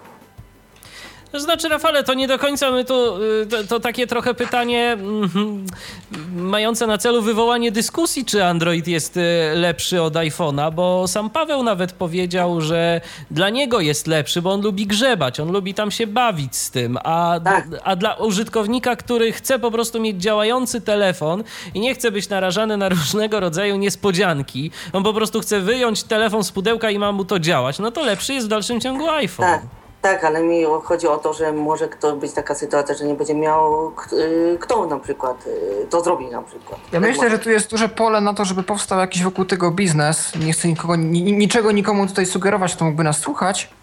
Em, na konfigurowanie już takich telefonów i wysyłanie ich dalej. Em, w ogóle mi się marzy takie całe mm, testowanie telefonów na przykład starszych, słabszych e, pod kątem jakichś nieoficjalnych ROMów. E, na ile one są stabilne i na ile taki telefon może być użytkowany przez osobę niewidomą. Trochę jak y, Rockboxy i jak Rockbox i iRivery. I myślę, że to byłoby całkiem niezłe pole do popisu na to, żeby tworzyć tanie telefony dla osób niewidomych, a dość nowoczesne jednak. No bo na przykład, bo o co mi tu chodzi? Na przykład zakupuję Androida i na przykład proszę o pomoc, a mi osoba na przykład powiada, nie umiem, nie zrobię ci, bo nie potrafię. I co w tym, w tym momencie? Dziura. E, Ty, ty możesz wiedzieć, ty możesz wiedzieć, gdzie wejść. Ta osoba nie musi się na tym znać. Po prostu No. powiedz, co ma klikać. Ustawienia, No tak. następnie dostępność, następnie talkback i włącz. Od tej pory jesteś w stanie poradzić sobie już sam. Wysta- I to wystarczy tyle. To wystarczy tyle. Naprawdę możesz podejść, nawet znam przypadek, to jeszcze jak iPhone e, się tak fajnie nie włączał w iOSie starszym. Mój znajomy podbiegł do sprzedawczyni w sklepie mięsnym, która mu włączyła voice-overa. Naprawdę. To jednak, to jednak to nie jest takie straszne, to faktycznie. Nie, to jest tylko kwestia, ty musisz wiedzieć, gdzie to się włącza i wtedy każdy jest ci w stanie pomóc. Bo Gorzej tylko- jak nie wiesz, bo też No mogą właśnie. być takie przypadki Po oczywiście. to tu Tak. jesteśmy, żeby uświadamiać. Dokładnie. Tak, to jest raz, ale jak chodzi, to można odpalić się podcast i się wysłucha, i się już wie, po pierwsze. na przykład ta ekowacja, jak to właśnie przed chwilą powiedziałam, po drugie można to też w internecie po, poczytać gdzieś to. Oczywiście, że tak. To nie Dobrze. problem, no. To nie problem w tych czasach. Dobrze, Rafale, czy jeszcze No to- coś chciałbyś dodać? Może jakieś jeszcze pytanie masz? Nie, to tyle właśnie, tylko chciałem tylko doprecyzować, o co mi Okej. dokładnie chodziło i, dopo- i tak y, ogólnie pogadać, o co mi chodziło z tymi telefonami. No i, i to wszystko. Dziękuję i słyszę i mi, życzę miłego, miłej nocy. Dziękujemy. Dziękujemy bardzo, również. pozdrawiamy Cię i do usłyszenia. 123 834 835 to nasz telefon, tyflopodcast.net to nasz Skype. Zapraszamy bardzo serdecznie do kontaktowania się z nami i do dzielenia się swoimi refleksjami z używania czy to Androida, czy to iOS-a, bo dziś, przypomnę, rozmawiamy z Pawłem Masarczykiem, który to zrezygnował z iOS-a na rzecz Androida. Niebywała sytuacja, proszę Państwa, wszyscy o, o, o jakich przypadkach słyszałem, no, w drugą stronę mm, idą, korzystają tylko i wyłącznie y, właśnie z, najpierw z Androida, później jak tylko mogą, to się na iOS-a przerzucają, Paweł odwrotnie. Wracamy do Samsunga Galaxy S4. Pawle, to jest chyba też trochę tak, że Samsung jednak tam modyfikuje trochę interfejs tego Androida. To nie jest taki czysty Android. Y, Powiedz mi, czy te wartości dodane do systemu oferują coś ciekawego? Dają jakieś ciekawe możliwości z naszej perspektywy, z perspektywy niewidomych użytkowników? E, taka pierwsza rzecz, która mi się teraz nasuwa. E, Samsung ma świetną klawiaturę. To jest chyba jedyna klawiatura. E, mogę się mylić. Poprawcie mnie, bo ja nie testowałem wszystkich klawiatur. Nie testowałem klawiatury Jelly Bean, nie testowałem klawiatury tej Jelly Bean Keyboard. Nie testowałem Google Keyboard. Natomiast to jest chyba jedyna klawiatura, która pozwala na wpisywanie polskich znaków diakrytycznych. Po prostu to działa tak w iOSie. Przytrzymuję palcem e, literę i po czasie, który no jak dla mnie jest trochę za krótki, e, pojawia się okienko do wyboru, tak jak w iOSie przesuwa, przesuwamy palcem wyboru znaków diakrytycznych. To jest coś, co nie wiem, w innych telefonach chyba tego nie ma, a może jest, a nie wiem. E, natomiast no, to jest takie Samsungowe, to jest ta sama klawiatura Samsung e, i to jest jej funkcja dodana, więc to jest na pewno coś, co mi się tutaj podoba bardzo. Ty korzystasz z tej klawiatury na co dzień, czy zdecydowałeś się na jakąś inną? Ja zdecydowałem się na swipe'a z uwagi na dyktowanie za pomocą Dragona, które po prostu jest y, czasami szybsze. Jeżeli mam chwilę prywatności, jeszcze nie testowałem z szeptaniem. Może szeptanie też wysłyszy, może mikrofon jest na tyle czuły. Natomiast y, klawiatura swipe pozwala na dyktowanie Dragonem, czyli mogę dyktować y, tekst, używając też znaków interpunkcyjnych, które on wyłapuje bez problemu i spisuje. No tak, bo to rozpoznawanie Google'a to tak y, niekoniecznie. Tak, tam były różne porady na liście, że tak się mówi jakimś niższym głosem i ciszej, to on te interpunkcje wtedy wychwyci. W sensie, że interpunkcyjne znaki mam wypowiadać niższym tonem i, i ciszej. I wtedy on i wtedy on sobie z tym poradzi. Natomiast próbowałem i oczywiście nic mi z tego nie wyszło. Może nie jestem zbyt przekonywujący, nie wiem. Mhm. Mm, Natomiast co do innych elementów, mogę tylko powiedzieć, że, że są dostępne. To znaczy TouchWiz, czyli ten launcher oraz ogólnie interfejs graficzny Samsunga. Nie mamy na co narzekać. Yy, Wszystko jest zetykietowane, dostępne. E, tu pewnie kolega Patryk Waliszewski też się zgodzi, że pewne rzeczy są dziwnie spolszczone, ponieważ e, robili to ludzie, którzy chyba nie mieli pojęcia specjalnie do czego służą te etykiety dostępności I na przykład... Nawet nie chodzi o to. Etykiety dostępności są, bo akurat jestem tu w pobliżu. Etykiety dostępności są dostarczane w plikach do tłumaczenia yy, odrębnie. Możesz mi Pawle przekazywać pytania, bo słuchawek nie mam, jakby były. Yy, Odrębnie są tłumaczone jako malutkie pliki XML, w ogóle bez podania jego kontekstu. Więc skoro dostaje na przykład człowiek y, plik y, z, ze słowem edge, no to intuicyjnie tłumaczy to jako krawędź, brzeg. Szkoda, że edge tyczy się akurat w tym wypadku y, technologii komórkowej, tak, dostępu do yy, sieci. tak, i do tego mam te- internet typu brzeg w tym Tak, momencie. i tego właściwie. Tak. nie powinno się tłumaczyć. Yy, Tak, tak samo gdzieś chyba w, Jak to, w jak to było dzisiaj? Y, Dzisiaj było unlock bezstykowa, Unlock czyli bezstykowa, tak. swipe, and, swipe unlock, czyli odblokuj przez przesunięcie. Ktoś przetłumaczył jako unlock bezstykowa. E, natomiast no, w radiu chyba power, czyli przycisk uruchamiający jest przetłumaczony jako moc. Moc, moc, tak, moc. Tak, No to pięknie. To więc pięknie. trochę może być to konfundujące, mylące dla nowych użytkowników, dla bardziej zaawansowanych pewnie też, dla każdego w zasadzie. E, no, co firma to pomysł. Mamy kolejny telefon, więc może odbierzmy. Tym razem Zwonimir jest z nami. Witam. No, witam także wszystkich słuchaczów Tyfloradia. Słuchamy cię. Co Powiem- chciałbyś dodać? No tak, ja powiem tak, bo jestem z perspektywy także użytkownik Androidu i używam Androidu tak na cały czas od wersji... Znaczy ja kiedy zacząłem z Androidem zacząłem na wersji 2.1. I to się tak zaczęło, używałem, było to, cal, było to całkiem dobrze, ale nie tyle jak to, pre, przepraszam, wersji 4.1.2, którą teraz używam. E, Ja testowałem, y, to dodaję, testowałem, właśnie to wczoraj instalowałem i to mnie interesowało, czy działa. Znaki diakrytyczne, to co wspomniał Paweł. E, Znaki diakrytyczne działają przez Google Keyboard bez jakiegoś tam problemu. I jeszcze co mi się okazuje, że Google Keyboard lepsze tak działa, nie robi takie dziwne, zna- dziwne znaczki jak robi Samsung Keyboard i lepsze tak, lepsze tak reaguje na odpuszczanie. Nie, nie, nie robi takie błędy przy nieodpuszczaniu klawisz, że wpisuję znak, a nie odpuściłem palec. Ze znaku. A, czyli bez odrywania palca możesz przesuwać się jak w iOSie po literach i on wpisze dopiero jak po oderwaniu palca mm, I to mnie dosłownie wkurza na tej klawiaturze Samsungowej i przy, i dosłownie ja się ja instalowałem Google Keyboard i nie mam takiego problemu. No, a Google Keyboard może mieć każdy, w związku z czym mamy klawiaturę kolejną do Nie może być, Super. nie może to mieć każdy, bo na przykład e, to wszystko jest odwisłe od kraju.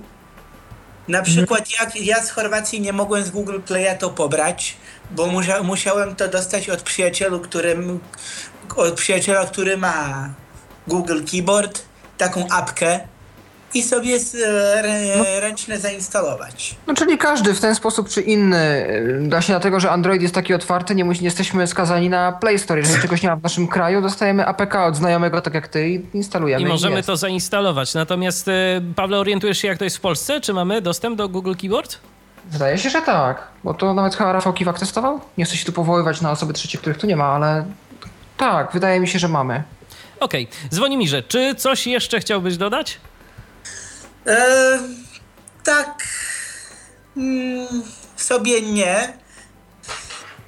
Tak, nie mam coś dodać. Dobrze. Tylko To dziękujemy ci, to dziękujemy ci w takim razie bardzo za, za głos w dyskusji. Fajnie, że mm, poinformowałeś nas o kolejnej klawiaturze. Dziękujemy za telefon, do usłyszenia.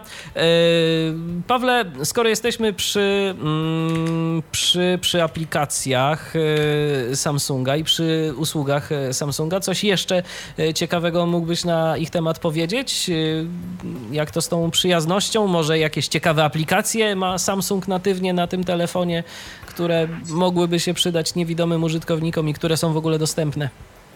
E, No nie testowałem tych aplikacji. Szczerze powiedziawszy, planowałem gdzieś tam e, zainstalować na tyle czysty Android, na tyle na ile się da. Prawdopodobnie nie da się wyczyścić e, tego wszystkiego z aplikacji Samsunga, ale przynajmniej Orange'a, który narzucił mi jakiś swój system, który później dostaje aktualizację i, i średnio mnie to urządza. Wiem, że jest terminarz, są notatki, Jest w ogóle jakiś cały ten S-Beam do przesyłania plików, mnóstwo różnych rzeczy. Natomiast y, nie, nie testowałem tego zbyt dogłębnie. Chat ona muszę jeszcze uruchomić, też jestem ciekaw jak to działa. E, jest jeszcze wiele rzeczy, które po prostu będę musiał zgłębić potem, bo nie byłem na początku po prostu zainteresowany. Bardziej a, interesowały mnie aplikacje z, właśnie ze sklepu Play. E, ważna rzecz, kupując telefon Samsunga, tam jest już zainstalowany drop, mamy, mamy zainstalowanego Dropboxa i po podłączeniu konta przez tego Samsunga otrzymujemy na dwa lata zdaje się, 50 gigabajtów za darmo. O, no to ładnie. A udało ci się, bo zdaje się, że Jacek miał chyba jakiś problem z Dropboxem. Yy, u mnie to zadziałało. U mnie to Aha. zadziałało, wystarczyło się zalogować i, i miałem to już aktywne. No i do dzisiaj nie zrozumiałem zasady działania odtwarzacza muzyki Samsungowego. Zdaje się, że tam trzeba umieścić muzykę w jednym konkretnym folderze, żeby on ją zauważył. Co mi się nie podobało, nigdy nie wiem w którym i to jest takie troszeczkę nie androidowe. No tak, ba bardziej przypomina, bardziej przypomina Apple'a, rzeczywiście. E, a tak e, zmieniając temat, e, pozwolę sobie wrócić jeszcze na momencik do hangoutów. E, ty wspominałeś o tym, że dla iOS-a rzeczywiście jest to mało dostępne, mało użyteczne, tam są niepoetykietowane przyciski. Ja sobie co prawda to zainstalowałem, ale nawet nie, nie miałem okazji nigdy sprawdzić tego z nikim, jak to działa. A powiedz mi, czy tobie się udało, czy, czy na przykład na Androidzie to ten Google Hangout do czegoś nam się przydaje? Jest to rozwiązanie, które które warto wykorzystywać? Google Hangouts przede wszystkim oprócz tego, że pozwala na tworzenie rozmów tekstowych i wideo, czy to pojedynczych, czy grupowych yy, z użytkownikami Google+, e, to przede wszystkim jest też klientem SMS-ów. Od wersji Androida 4.4 tej najnowszej, czyli KitKata, mamy tam prawo wyboru własnego klienta SMS, który nam pasuje, oficjalnego. Mm, możemy po prostu zmienić sobie program do SMS-ów z tego, który mamy domyślnie, na jakiś tam inny. I Hangouts dobrze nam do tego służy, jest bardzo dostępny. Właśnie chyba Tomek Bilecki w Kazamie 3 zamienił ten domyślny program e, kazamowy do wiadomości, który tam ma jakiś niezaetykietowany przycisk wyślij, parę innych rzeczy, które nie działają na Hangouty i właśnie jest z tego zadowolony. Nawet do tego stopnia mamy szczegółowe te etykiety, że chyba po najechaniu na konkretny wątek mówi, że to jest wątek, czy tam w temacie jakimś tam w taki fajny sposób sygnalizuje, że jest to wątek SMS-ów. No to rzeczywiście, czyli może to się przydać. A testowałeś jakość y, rozmowy, wideo na przykład z kimś za pomocą hangoutów? Jeszcze na iPhone'ie kiedyś testowałem to z kimś i to było całkiem w porządku. Może nieporównywalne z FaceTime'em, natomiast jeżeli ktoś z jakichś przyczyn nie może korzystać z FaceTime'a, prawdopodobnie dałoby radę, jeżeli chodzi o jakość. Nie jest źle. Okej, okay, rozumiem. To w takim razie teraz odbierzmy telefon od Rafała. O Rafale wspominałeś chwilę temu, a teraz Rafał do nas dzwoni. Cześć Rafał. Dobry wieczór. Ojej, ale ty masz przester. Postaram się jakoś, jakoś to zminimalizować. O może teraz jeszcze coś powiedz? E, raz, dwa, trzy, cztery. O, jest już chyba lepiej. Słuchamy cię. Będę, będę mówił cicho w takim razie. No witam serdecznie tutaj panów. E, nie mogłem sobie odmówić tej przyjemności, żeby do was nie zadzwonić. Prawda. Mm, ale pierwsza rzecz, którą muszę powiedzieć, bo zapomnę, to jest taka, że bardzo się cieszę, że to właśnie Paweł jest tutaj, gdzie jest i że mówi o tym, o czym mówi. E, a dlaczego tak jest, to pokrótce powiem, że jak niektórzy wiedzą, Androidami zajmuję się już jakiś dłuższy czas. E, I Paweł zajął się Androidem stosunkowo niedawno, a teraz jest tak, że to Paweł mówi mi: Słuchaj, znalazłem taką i taką aplikację, weź sobie przetestuj, albo weź sobie sprawdź. Że to już nie ja tutaj mu podrzucam jakieś nowe rozwiązania, prawda? Tylko jest odwrot. Role się odwróciły. Czyli, krótko mówiąc, uczeń przerósł mistrza, dokładnie tak. To jest pierwsza rzecz, którą chciałem powiedzieć yy, o Pawle. Chociażby ostatni taki przykład, gdzie uczeń przerósł mistrza E, była aplikacja do Twittera, jeden z klientów Twittera, który zakupiłem e, dość dawno temu już, e, mając nadzieję, że, że, że to będzie fajne i że będę to lubił i tak dalej. Okazało się, że na owy czas jakoś tam program mi się nie sprawdził i go gdzieś tam odłożyłem na półkę, prawda? No i Pawełek mówi, że jak, jaki ten program jest fajny, ile to on umie, ile to ma opcji i, i w ogóle, i w szczególe. No kurczę, no skoro Pawełek tak mówi, no to sprawdźmy. No i się okazało, że faktycznie Pawełek miał rację, a ja nie wiem, czy czegoś nie wiedziałem, czy czegoś nie doczytałem, czy Czy byłem niedouczony? Okazało się, że o wielu rzeczach y, w związku z tym programem nie wiedziałem, a teraz na przykład nie, nie zamieniłem go na, na żaden inny. Także więcej nam takich Pawełków trzeba. Ja jak najbardziej jestem za. E, coś jeszcze chciałem powiedzieć. Chciałem powiedzieć jeszcze jedną rzecz mm, odnośnie e, klawiatury. To jest taka rzecz, jak wiecie, wy wiecie, inni nie wiedzą, to pokrótce powiem, że używałem długi czas y, telefonu Xperia Mini Pro. Już tutaj wspominanego. Zacząłem od Androida 2.3, gdzie praktycznie całą nawigację wykonywało się przez, y, przez klawiaturę.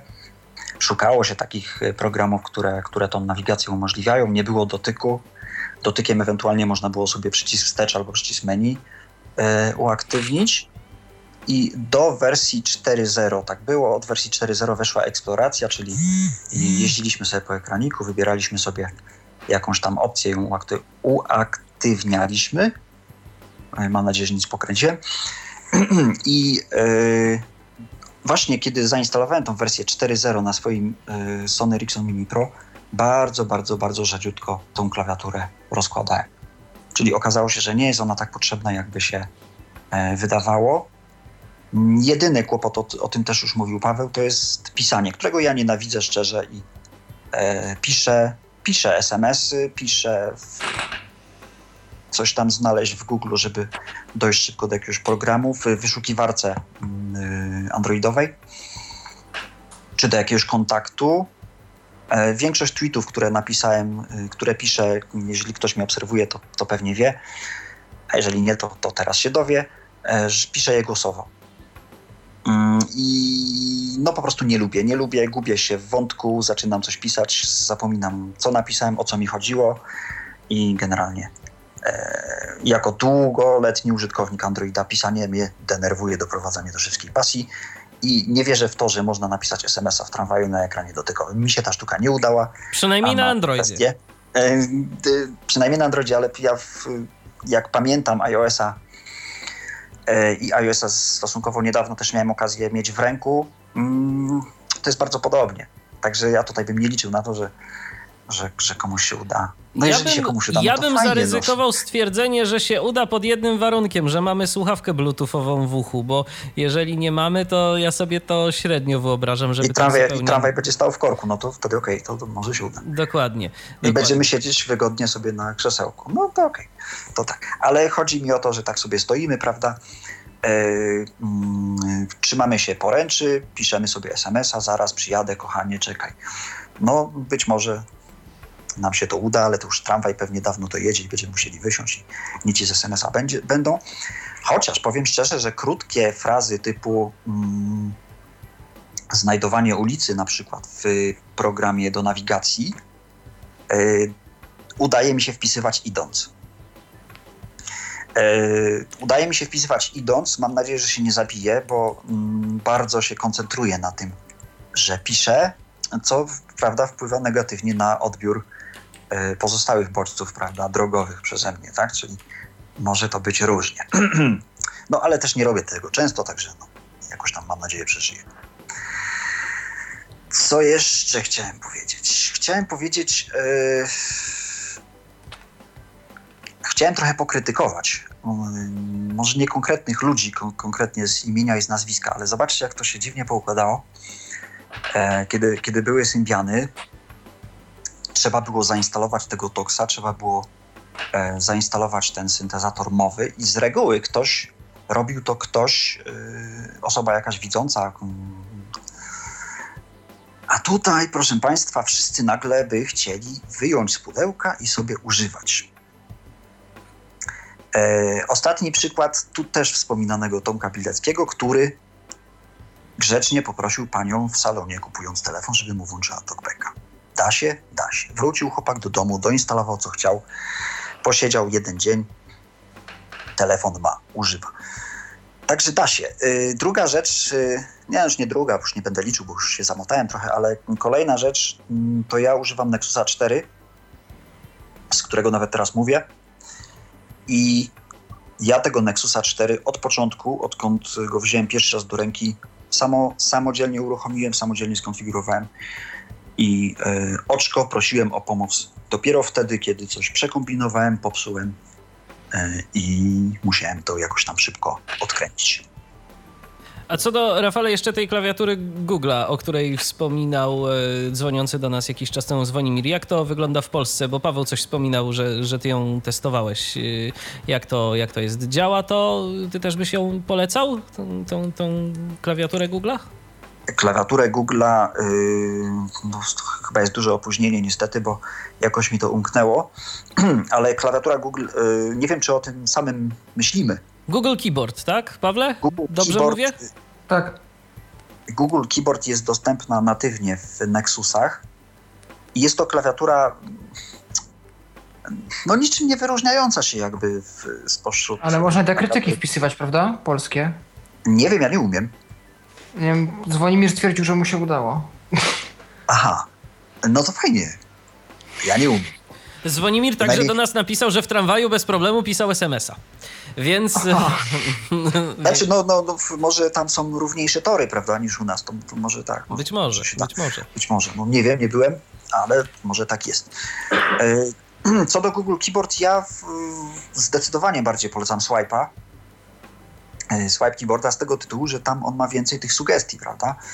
I nawet e, jeśli nie da się wpisać tego znaku diakrytycznego, jeśli e, dość mocno go tam zmusimy do tego, żeby ten znak diakrytyczny wpisać i do, doda się ten nasz wyjątek do słownika, to on już go pamięta, po wsze czasy jest synchronizowany i naprawdę dość fajnie się to robi. Ja już takie dziwne rzeczy mu po, powprowadzałem, które on sobie pamięta, typu jakieś tam zdrobnienie na moją córkę, które, które używam on to zawsze mi podpowiada grzecznie, także wszystko się da. Także lepiej dla własnego spokoju psychicznego i, i, i wszystkich innych chyba lepiej wydać te 12 zł na tego swipe keyboarda.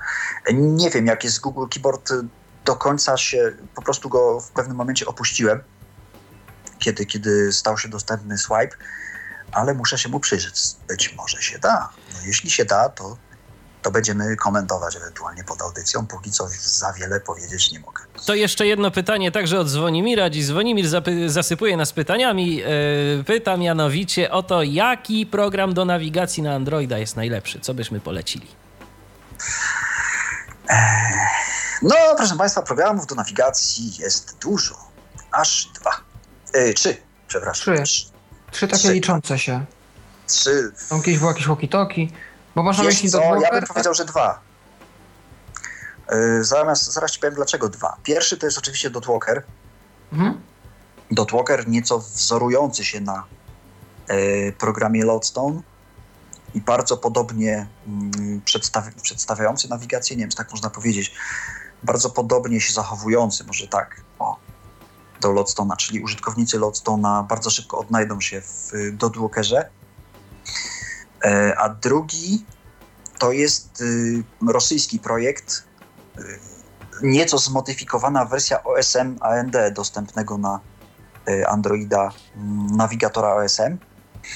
On jest tam troszeczkę pozmieniany, pododawane są opcje dostępnościowe typu rozejrzyj się, y, użyj kompasu, jakieś tam elementy nawigacji głosowej. E, I to też, też ostatnimi czasy zacząłem to testować. Z tym, że to drugie rozwiązanie ma dość poważną wadę póki co, bo jest to pełnoprawny program dla osób widzących z przystosowaniem jakimś tam dla osób niewidomych. No i niestety e, pokazują wszystko bardzo pięknie, ładnie, e, wszystkie mapy, nie mapy, m, co bardzo negatywnie wpływa na baterię. Także najlepszym chyba jednak póki co rozwiązaniem jest Dotwalker. E, Jest jeszcze aplikacja, która się nazywa y, Guide Droid. Tak, Guide Droid chyba. Guide Droid jest to nakładka taka. mm, Jest to program, można to tak nazwać, że on wydaje polecenia mapom y, Google. Mapom Google. Czyli taka nakładka ułatwiająca korzystanie z, z map googlowskich.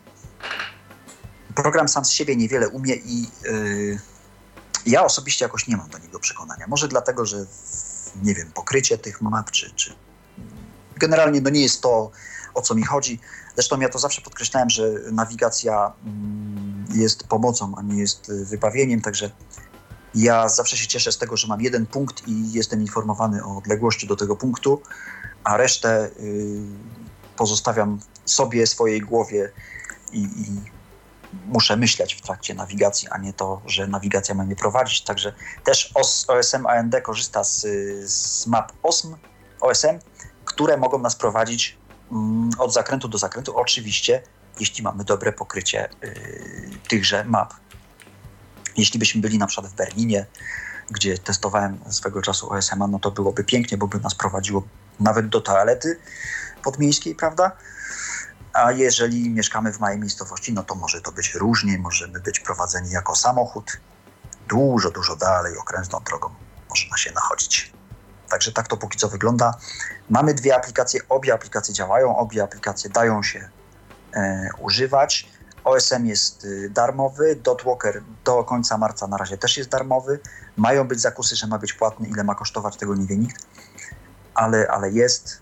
Mm, no i nareszcie mogę powiedzieć, że nie tylko iOS-owcy mają Ariadne i Sync Assistant Move, my też mamy dwa programy, które działają, prawda? No i bardzo dobrze, oby tak dalej, bo w końcu chodzi o, o, to, żeby była różnorodność i żeby każdy mógł wybrać sobie to, y, co mu się bardziej podoba i na czym i co chce mieć, bo do, tak trochę z tą dominacją iOS-a to niestety było tak. Y, zresztą też no, ja jednak będę twierdził, że nadal tak jest, że jeżeli chcemy mieć prosto, łatwo i, i wygodnie, to jednak ten iOS, ale jeżeli ktoś po prostu nie może sobie pozwolić na iOS-a, bo wiadomo, że nie każdy może, to już nie jest tak, że musi z czegoś bardzo rezygnować, co najwyżej będzie tu może nieco większa bariera wejścia i nie, może będzie musiał nieco więcej czasu na to poświęcić, no ale proszę Państwa, 10 czy 15 czy 20 lat temu to niewidomy też sobie tak komputera nie włączał i, i nie korzystał, tylko trzeba się było trochę tam nauczyć tych różnych y, kwestii dotyczących systemu, dotyczących y, programu odczytu ekranu, więc... Y, Wiesz Michał, z tą dominacją iOS-a to też jest troszeczkę tak, że w, są dofinansowania, prawda? I gdyby tych dofinansowań nie było, e, to myślę, że ta dominacja by się bardzo zweryfikowała. E, tak uważam. To też jest prawda, ale wiesz co, to do nas przyszło, ta dominacja iOS-a trochę do nas przyszła tak y, z zachodu i co by nie mówić, to jednak Apple jako pierwszy zrobił kawał dobrej roboty i po prostu my już nie, tak no trochę, to zrobił. Nie, my już tak nie, trochę weszliśmy na gotowe, tak? Proszę, prawda? To przecież pamiętamy naszą wspólną audycję, moją i twoją, y, na temat Apple'a i ja Dostało się nam w komentarzach, Wtedy, że, nam, tak, że nam Apple zapłaciło. Cóż, fajnie by było, nie? No. Gdyby tak było, ale ja dokładnie pamiętam, co wtedy mówiłem i z niczego absolutnie się nie wycofuję. Poza tym, że nie kupiłem jednak tego iPhone'a, jak wtedy chciałem. I z perspektywy tego, tego czasu, kiedy, kiedy, to, kiedy to było, bo to już jakieś dwa lata temu było nawet chyba. Jak nie... Jak nie dalej. E, to ja utwierdzam się w przekonaniu, że jednak dobrze zrobiłem. Kupiłem swoje telefony obydwa za swoje pieniądze bez dofinansowania i wykorzystuje je e, no, w maksymalny sposób. Pierwszy był Mini Pro, zresztą mnóstwo podcastów powstało na, na bazie tego telefonu, czy to był czy to e, ROM oryginalny, czy później e, Cyanogen Mode, później teraz Nexus i już też troszeczkę się starzeje, że tak powiem, bo telefon staje się dla mnie narzędziem, które po prostu od pierwszego że tak powiem, kopa ma chodzić i też już coraz mniej chce mi się e, eksperymentować. I też mnie to nie boli, że, że, że tak jest. Czyli po prostu to działa. To nie jest tak, że o Jezu, znowu muszę szukać tutaj, kombinować. No prawda? a teraz mamy, teraz mamy jeszcze tak, jeszcze tak y, zbocze lekko z tematu, taka dygresja. Teraz mamy kolejną rzecz do eksploracji i do odkrywania. Mianowicie ostatnio Tomek Strzymiński, który już też y, kilkukrotnie na naszej antenie gościł, chwalił się na Facebooku, że testuje BlackBerry y, w polskiej wersji językowej. Ja się postaram, żeby Tomek coś nam o tym opowiedział e, po tej no mojej przerwie, dobrze, bo, bo, fajnie by było, bo to, jest, bo to jest, wiecie, kolejny element do kolekcji dostępnych systemów gdzieś nam się ważne, zaczyna pojawiać. Ważne, żeby, żeby mieć wybór, a najważniejsze, najważniejsze jest to, ja jestem zresztą zwolennikiem takiego oprogramowania, niech ono kosztuje oprogramowanie, sprzęt itp. itd.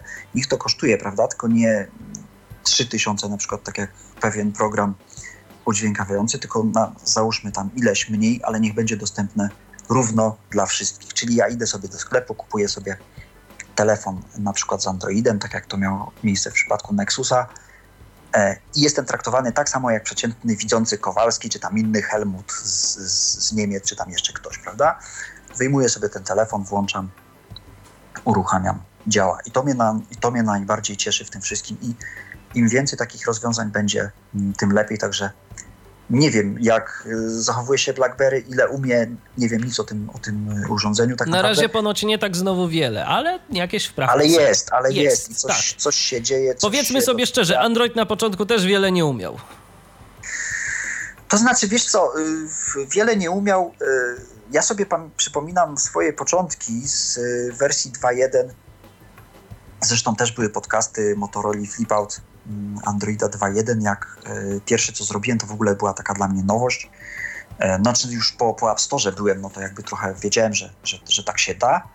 E, Instalowanie sobie samemu aplikacji i sobie ich testowanie. No to było coś, co no, kilka nocy mi zajęło nieprzespanych, prawda, żeby się pobawić, zobaczyć. Także ja już między Androidem a Symbianem, tamtym Androidem, czyli Androidem 2.1, już była przepaść. Już była przepaść. Mhm. Jeszcze do iPhone'a mu było daleko, ale, y, ale można było bardzo, bardzo wiele już zrobić. Już było wiele rzeczy, można było się pobawić. Także tak to wygląda.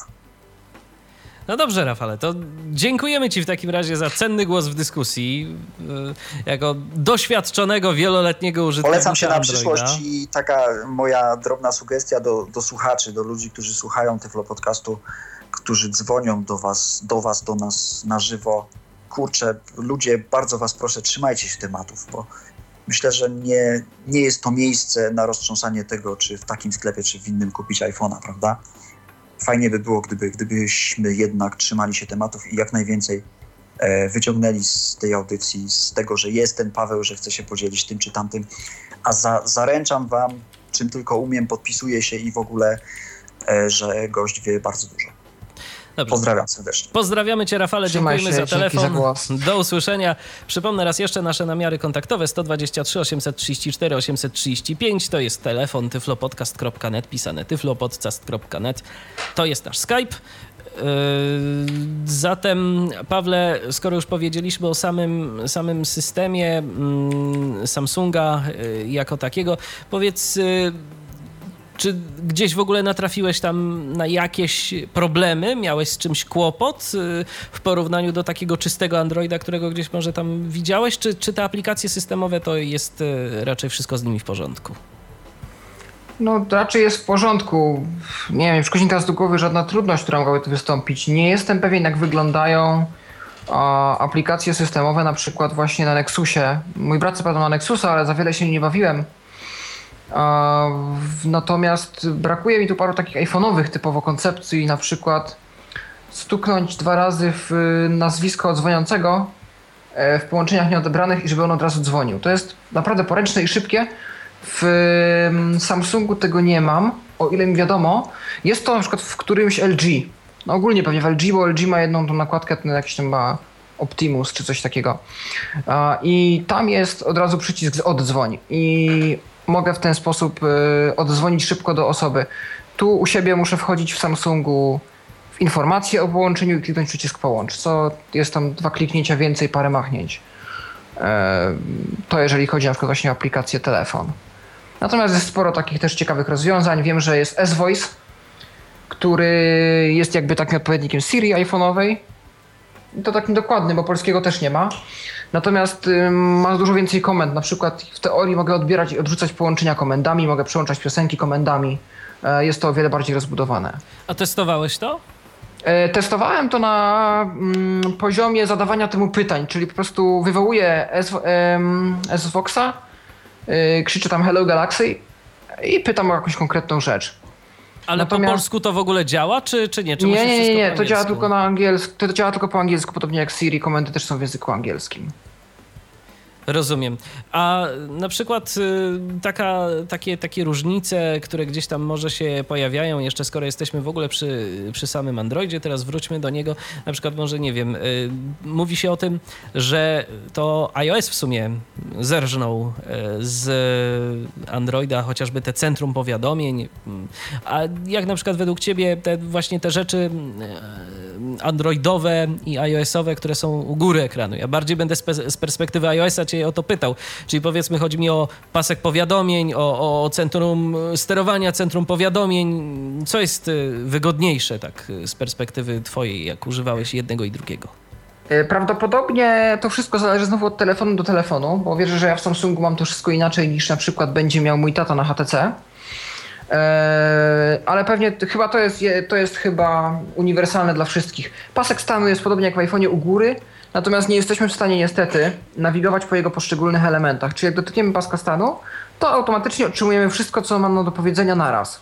Czyli godzinę, sygnał, baterię, jakieś powiadomienia, jeżeli są nawet, to też tam się znajdują, yy, jakieś powłączane Bluetooth, nie Bluetooth, GPS, inne rzeczy. Yy, po wejściu w centrum powiadomień, yy, centrum powiadomień i centrum sterowania w Samsungu to jest jedno, czyli po prostu mam szybkie ustawienia. Na początku pokazuje mi się godzina, yy, masa szybkich ustawień, a potem powiadomienia. Do powiadomień można przejść bezpośrednio, dotykając gdzieś u dołu ekranu, tego się już nauczyłem. I przewijając. Do tego jestem przyzwyczajony, ponieważ no niestety iOS 7 miał ten błąd, że e, kursor w centrum powiadomień lubi uciekać. To w takim razie odbierzmy kolejny telefon. Jest z nami tym razem Patryk. Witaj Patryku. E, witam bardzo serdecznie. Słuchamy. Na wstępie, na wstępie się chciałem zapytać, czy, yy, czy raczej dobrze mnie słychać, dlatego że miałem taki ładny komunikat od iOS-owego Skype'a, E, taka mała ciekawostka, wyskoczył mi komunikat, że ten Skype działa tylko na niezmodyfikowanej wersji iOS-a. No to już wiadomo, jakiego masz iOS-a. tak, tak, tak w ogóle.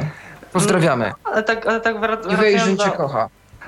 Tak, wracając do, wracając do audycji, ja jestem użytkownikiem iOS-a od, no nie będę teraz mówił dokładnie od ilu, od czerwca chyba bodajże zeszłego roku.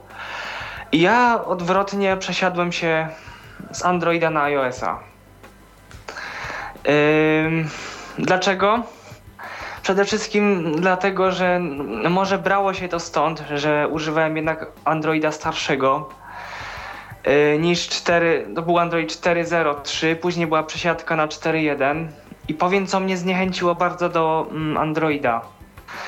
Przede wszystkim to, że naprawdę y, jeżeli chodzi o niektóre aplikacje, można sobie w tym systemie namieszać. I ja sobie namieszałem. Szukałem jakiejś aplikacji, która służy do testowania, do oglądania programów telewizyjnych. Powiem, że to działa i że telewizję da się oglądać. Yy, natomiast po ściągnięciu tej aplikacji stała się rzecz bardzo dziwna. Nie mówię już o tym, że wywaliła mi się cała synteza i znaczy talkback sobie działał, tylko cała synteza gdzieś poszła. Mm, y, to po otwarciu po prostu, no to się stało po otwarciu programu w zasadzie. Mm, wywalił się talkback, wywaliła się synteza, no i po uruchomieniu jakiegoś programu telewizyjnego przez osobę widzącą, Y, program y, się odtwarzał, jakiś tam program telewizyjny, natomiast po wyjściu z aplikacji telefon jak się wyłączył, tak się już nie włączył i trzeba było go reanimować y, przez tryb awaryjny i no doszedłem do wniosku, że jednak są aplikacje, które potrafią i to spowolnić telefon i to coś namieszać. Chyba ja jednak za bardzo testowałem, za bardzo eksperymentowałem. Ale dlaczego się zdecydowałem na iOS-a? Pierwsza rzecz, bardzo mnie zniechęciły gestury. Yy, czyli na przykład lewo, prawo, góra, dół, bez odrywania na przykład. No powiem szczerze, żaden z tych gestów mi nie wyszedł, mimo że naprawdę próbowałem. Może ja mam jestem niesprawny manualnie, ale ja uważam, że gesty iOS-owe są bardziej intuicyjne. Yy, po prostu no, nie, nie dałem rady. Mm, ponadto uważam, że na przykład wpisywanie, jak testowałem klawiaturę Jelly Bean keyboard, jeżeli na przykład sobie wpisywałem jakiś, byłem na literze A na przykład ustawiony i TalkBack mi niby powiedział A. Natomiast jak oderwałem palec, mm, litera się nie wpisała. Mm, dlaczego? Dlatego, że po prostu byłem delikatnie pod literą. Talkback mi ją oznajmił, co prawda, ale ja byłem delikatnie pod tą literą i, i po prostu nie wpisałem. Natomiast jeżeli używałem klawiatury Ice Free, która była która jest talkbackiem, no nie miałem większego problemu z wpisywaniem, natomiast nie wiem czemu uważam na iOSie pisze się lepiej. Nie jest to takie wyczulone bardzo, jakoś nie wiem, no moim zdaniem działa to lepiej. No i przede wszystkim iOS te gesty ma jakieś takie bardziej prostsze, które ja mogę wykonać. Tamtych nie umiem. Nie A, umiem tu po jeszcze, prostu. Jeszcze raz bym się chciał odwołać do różnorodności Androida. To wszystko znowu różni się od telefonu do telefonu. E, te gesty mogą ci nie wychodzić z tego po prostu, że z tej przyczyny, że nie wiem, ekran jest mniej lub bardziej czuły, jest mniejszy. Ja na przykład, zwłaszcza jak Mm, to zaczynałem moją przygodę z to. Androidem, odkryłem, że na niektórych telefonach trzeba mocniej e, przyłożyć się do wykonania gestu w prawo czy w lewo, żeby on wyszedł, na niektórych mniej. I właśnie to może- jest to, dlaczego ja się zdecydowałem na iOS-a. Bo wiem, że jeżeli ja sobie kupię iPhone'a, to ja wiem, że chociaż zapłacę te, te pieniądze, to wiem, że nacisnę sobie, wyciągnę telefon z pudełka, nacisnę sobie przycisk Home i ja wiem, że wszędzie po prostu, jaki by to iPhone nie był, wszędzie to po prostu będzie działać. Ponadto aplikacji na, iPhone, na iOS-a jest mnogość po prostu, także można sobie siedzieć w tym App Store i z niego nie wychodzić, bo tak naprawdę jest pełno al- alternatywnych i płatnych rzeczy i darmowych. Także naprawdę ja, pomimo tego, że jest to zamknięcie tego iOS-a i że trzeba muzykę wgrywać przez iTunesa i takie tam rzeczy, choć i na to się zdarzy, znajdzie obejście w stylu Dropbox czy BitTorrent Sync, mm, chociażby jeżeli chodzi o zgrywanie muzyki. Ale ja podejrzewam, ja czuję, że kiedyś, kiedyś się to zmieni i kiedyś i Apple będzie bardziej może otwarty, może jakoś oni to wiem, że może jestem naiwny i głupio wierzę w pewne rzeczy, ale gdzieś słyszałem przebąkiwania, że Apple ma jednak zmienić i z tą otwartość troszeczkę zwiększyć tego iOS-a. Nie chodzi mi Z o tego to... co ja wiem, Patryku, to oni już zwiększyli y, troszeczkę otwartość iOS-a. To się bardziej widzi w takich kwestiach typowo programistycznych, ale udostępnili jednak y, pewne możliwości autorom aplikacji, więc jakieś tam postępy y, ponoć są. Natomiast ja jeszcze chciałbym się odnieść do tego, co mówiłeś, że ty wyjmiesz y, z pudełka iPhone'a, m, czy iPada, czy jakieś inne urządzenie i będzie ci to działało. Y, Wiesz co, y, tu napisał słuszną uwagę Mateusz już jakiś czas temu. Mianowicie Mateusz napisał o tym, że on sobie poszedł kiedyś do sklepu jakiegoś tam, do, mm, w którym był iPad, mm, do, y, i który chciał sobie potestować. Próbował włączyć voiceovera trzykrotnym homem, niestety ta funkcja była nieaktywna i musiał się posiłkować tam wchodzeniem do ustawień, więc podejrzewam, że musiał kogoś prosić o pomoc.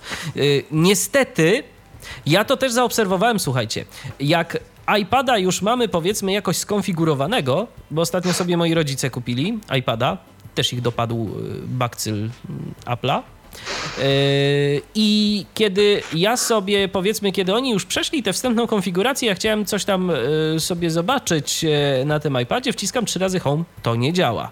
Więc ten voiceover, jeżeli nie zostanie uaktywniony we wstępnej fazie konfiguracji iPada, to kiedy ten iPad już nam działa, no to mm, będziemy mieć, i podejrzewam, że z iPhone'em też tak jest, to będziemy mieli problem, żeby go tak y, łatwo uaktywnić. Ten, trzy, ten teraz już nie, trzykrotny Michale, Znaczy można go do iTunesa podpiąć. Y, no ale to Siri musi działać, Pawle. No w internet, E- no tak, to z reguły używają internet, nie zawsze, tak się zgadza. Nie, no, nie o to chodzi, jest- no ale przecież w polskiej wersji to Siri przecież nie, no to tak, nie ale działa. wystarczy znać angielską komendę i wtedy już... Ale czy Siri jest domyślnie włączona? Bo chyba nie. Nie jest, No ale właśnie. jest sposób na włączenie dostępności. Jeżeli ona nie zadziała, a dostaniemy iPhone'a z jakiegoś tam sklepu i trzykrotny home nie, nie z doleracji, przetestowałem to, to działa. Mm, Wystarczy włączyć sobie jakiś program NVDA, zainstalować NVDA sobie włączyć, zainstalować iTunesa, podłączyć iPhone'a. iTunes wykryje, że została włączona, że zostało włączone oprogramowanie wspomagające, czy chcesz, je, czy chcesz włączyć ułatwienia dostępu. Dziękuję bardzo. Naciskasz, że chcesz włączyć, yy, klikasz tak. Następnie wciskasz trzykrotnie home VoiceOver się odzywa. A, no to, to dobrze wiedzieć. To dobrze wiedzieć rzeczywiście, że taka opcja jest. Ja już miałem na przykład też parę razy taką sytuację, że mi się iPhone po prostu przywiesił e, i to tak się ładnie przywiesił, że nie dało się go jakoś odblokować poza, poza podłączeniem go właśnie pod iTunes. Mm, Nie mam na myśli przywracania systemu, ale po prostu... Można, zre, ale można zresetować go, mm, przytrzymując y, home i home i, i, i ten y, i Power, tak. włącznika i power. A to, nie, a to nie robi przypadkiem zdjęcia z rzutu, z rzutu ekranu? Yy, jak naciśnie, jak naciśniesz razem, jak przytrzymasz przez kilka sekund, to on ci Aha, to wyłączy się, telefon. to się, jest to się zresetuje. Twarde, twarde Okej, wyłączenie. Okej, Mhm. okej. Już Yy, tak jeszcze, wiem, a propos chodzi. wracając do Androida, mm, miałem w moim LG problem, żeby sobie od, odbierać telefon. Bo tam jak był ten ekran blokady, to trzeba było y, przeciągnąć jakąś tam, jakieś tam coś wzdłuż ekranu, palcem jakoś tak przejechać, śmiesznie, żeby telefon odebrać. Ale do, obszedłem, są dwa obejścia do tego. Ostatnio, już wcześniej, że po prostu wyłączyłem jakby blokadę ekranu całkowicie i wtedy stukając dwukrotnie w lewy róg ekranu mogłem odebrać, ale jest też fajna aplikacja. Ja teraz nazwy nie pomnę, ale ja ją mam u siebie na moim LG, że jeżeli do nas ktoś zadzwoni, wystarczy, że podniesiemy telefon i przyłożymy go do ucha. Yy, I w proximity momencie, jeżeli go przyłożymy do ucha, to, to on y, odbiera to, a jeżeli chyba wykonamy potrząśnięcie telefonem, to wtedy to połączenie jest zrzucane. Chyba Proximity Talk się to nazywa, ja pamiętam. Tak, mm, chyba, chyba jakoś Tak. tak. aplikacji jest pełno, ale tam jest, jest yy, Shake. Shake Shake Call? Właśnie. Shake coś- Call działał na, na, na Ice Cream Sandwichu, bo na Jellybeanie już przestał działać i był Proximity Talk. A ja to jeszcze dziwne, polecam bo właśnie raz... mam to shake coś tam, właśnie to co mówisz Aha. i u mnie to działa. No to też znowu telefon, od telefonu do telefonu pewnie różnica. Na Xperia Mini Pro nie działał. Yy, a na, jeszcze, mam, LG, na LG którymś też nie szedł. Nie pamiętam teraz na którym, komuś. jeszcze mam takie L5? pytanie. Yy, No.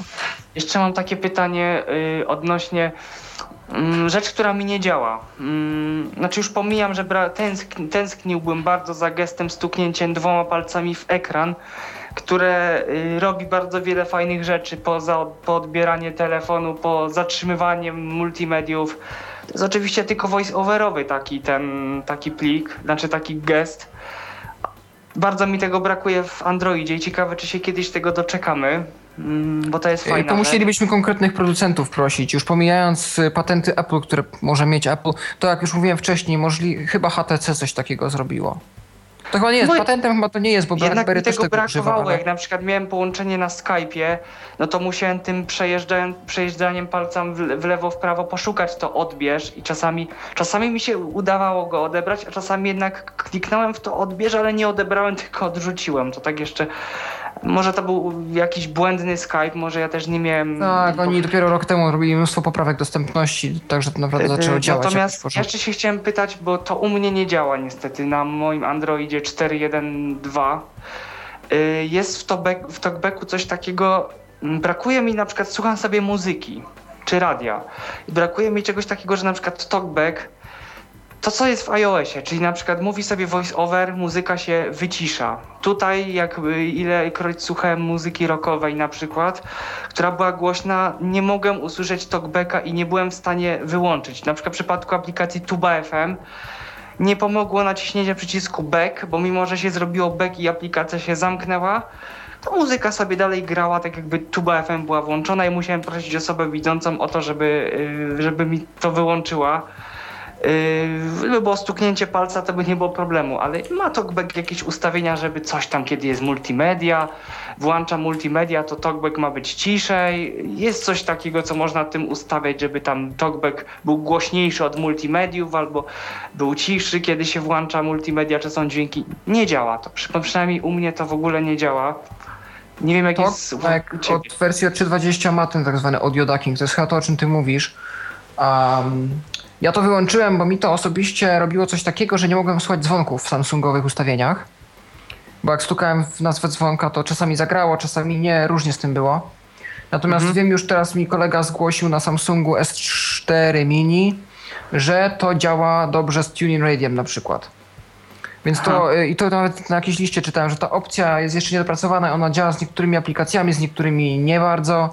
A musiałeś po prostu znaleźć taką aplikację, która, która po prostu działa do muzyki czy do A, radia. czyli pewnie muszę sobie zaktualizować tam do mojego LG, jakaś tam aktualizacja jest, muszę zrobić po prostu do nowszego Androida, bo w 4.1.2 to nie, Mhm. nie, nie, nawet działać. nie tyle Android, tylko TalkBack najnowszy, żeby był. Y, A da się zrobić, da się zrobić tak, bo ja próbowałem, że. Bo mi TalkBack się nie aktualizuje jakimś cudem sam automatycznie. Jest to tam jakaś wersja. Sklepu. Play ręcznie. No to mm, jak wpis, ilekroć wpisywałem TalkBack, to po prostu było tylko otwórz TalkBack. Czy, czy odinstaluj, nie było, nie było uaktualnij, czy zainstaluj. Chyba, że to trzeba. A jaką masz wersję? To musisz zobaczyć jaką masz wersję, tam najnowsza jest 3.5.1, o ile pamiętam. Aha, no chyba, że po prostu trzeba szukać pod kolejną wersją, wpisując po prostu. Nie, nie, nie, nie, no może po prostu się zaktualizowała, bo nie wiem, z jakichś innych przyczyn. Zawsze jest jeszcze opcja pobrania ręcznie TalkBacka ze strony e, bodajże Ice Free, Ice Free, Ice myśli free, Google, Projekt- Tak, Czy- jakoś tak. coś. icefree.googlecode.com i tam e, masz wszystkie ich e, programy z kodem źródłowym, tam jest też zawsze najnowsza wersja TalkBacka w formie pliku APK. Właśnie jeszcze a pro moje pytanie odnośnie SPIKA, mm, bo ostatnio się coś zaczęło dziać niedobrego. Uaktualnił, y, uaktualnił mi się chyba, mm, znaczy coś robiłem, przewracałem ten telefon, chciałem sobie zainstalować SPIK TTS. Mhm. No i jakież moje było zdziwienie, SPIK TTS przestał działać. Mm, nie wiem co się tam stało, jeżeli chodzi o SPIKA. Yy, zawsze działał, natomiast po, po, za, po prostu przestał działać i słyszałem, że jakieś tam w tym SPIK-u się coś zaczęło, jakiś nowy w ogóle wyszedł mm, i przed z nowszym, z nowszym Androidem już jest problem. Wie- Tak, od się- 4.3 w górę nie działa ISPIC TTS, ten to jest free. Tak, działa natomiast od no u mnie na Risa- Risa 4.1.2 już Dana. nie działa. E, Nie wiem właśnie dlaczego ci nie działa 4.1.2 i 4.2.2 jeszcze powinien działać, natomiast od 4.3 w górę potrzebny jest e, ISPIC kompilowany przez Risa Dana. E, W sklepie Play kosztuje 5 zł, ale można go legalnie skompilować ze źródeł, autor nie ma nic przeciwko temu i za darmo sobie go w ten sposób zaaplikować. A, no tak, no tak, bo coś, coś słyszałem, mm, że, że tak jest.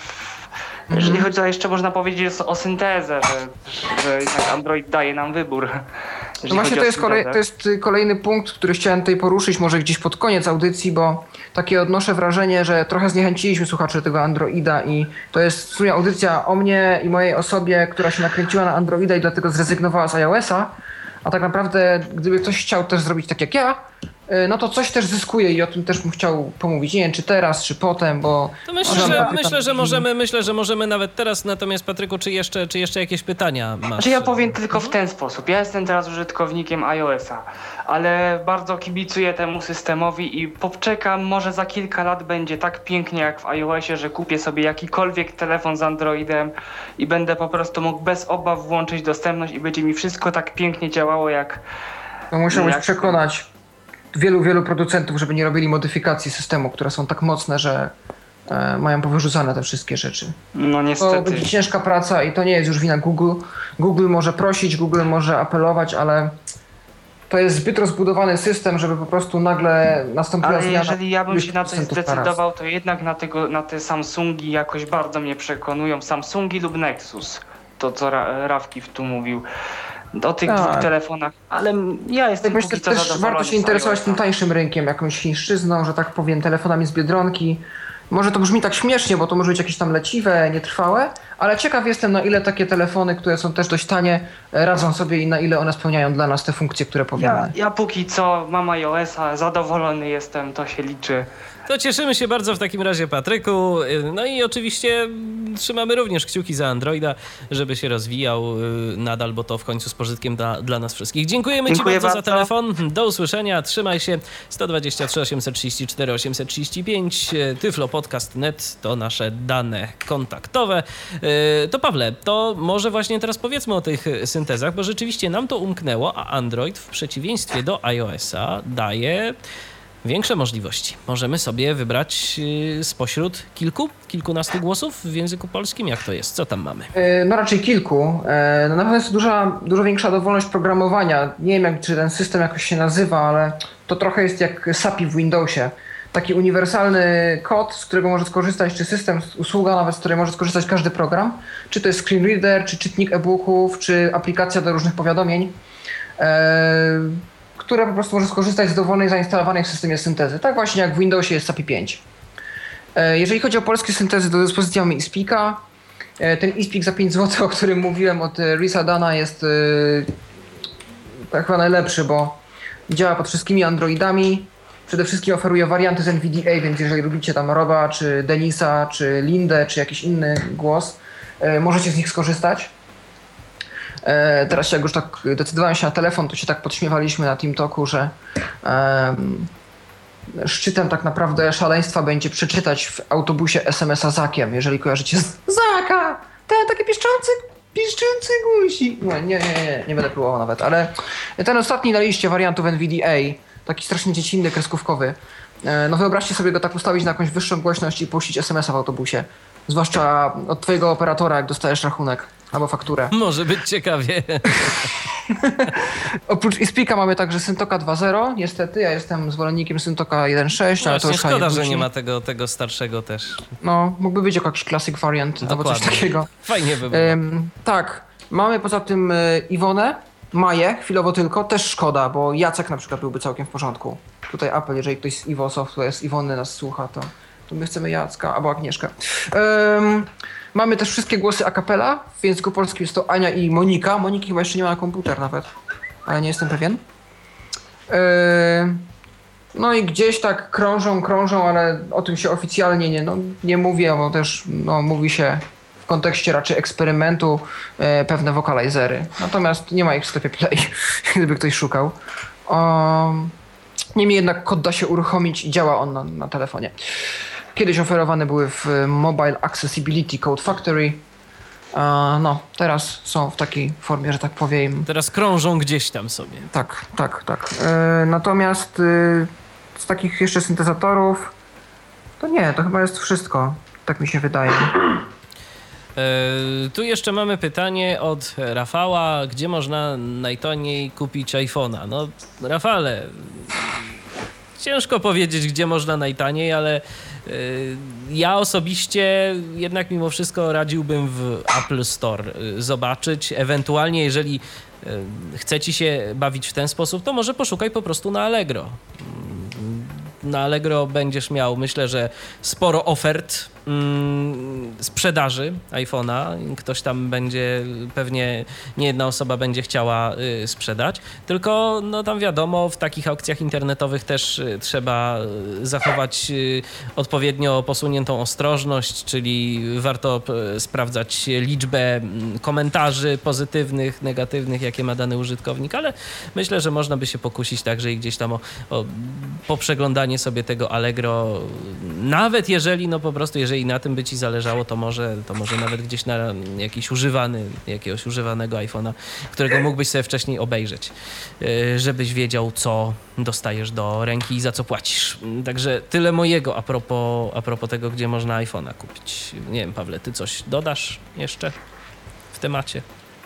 No nie, myślę, że lepiej e, no, nie łasić się na, tam na jakieś tańsze oferty, nie wiadomo co to jest w zasadzie.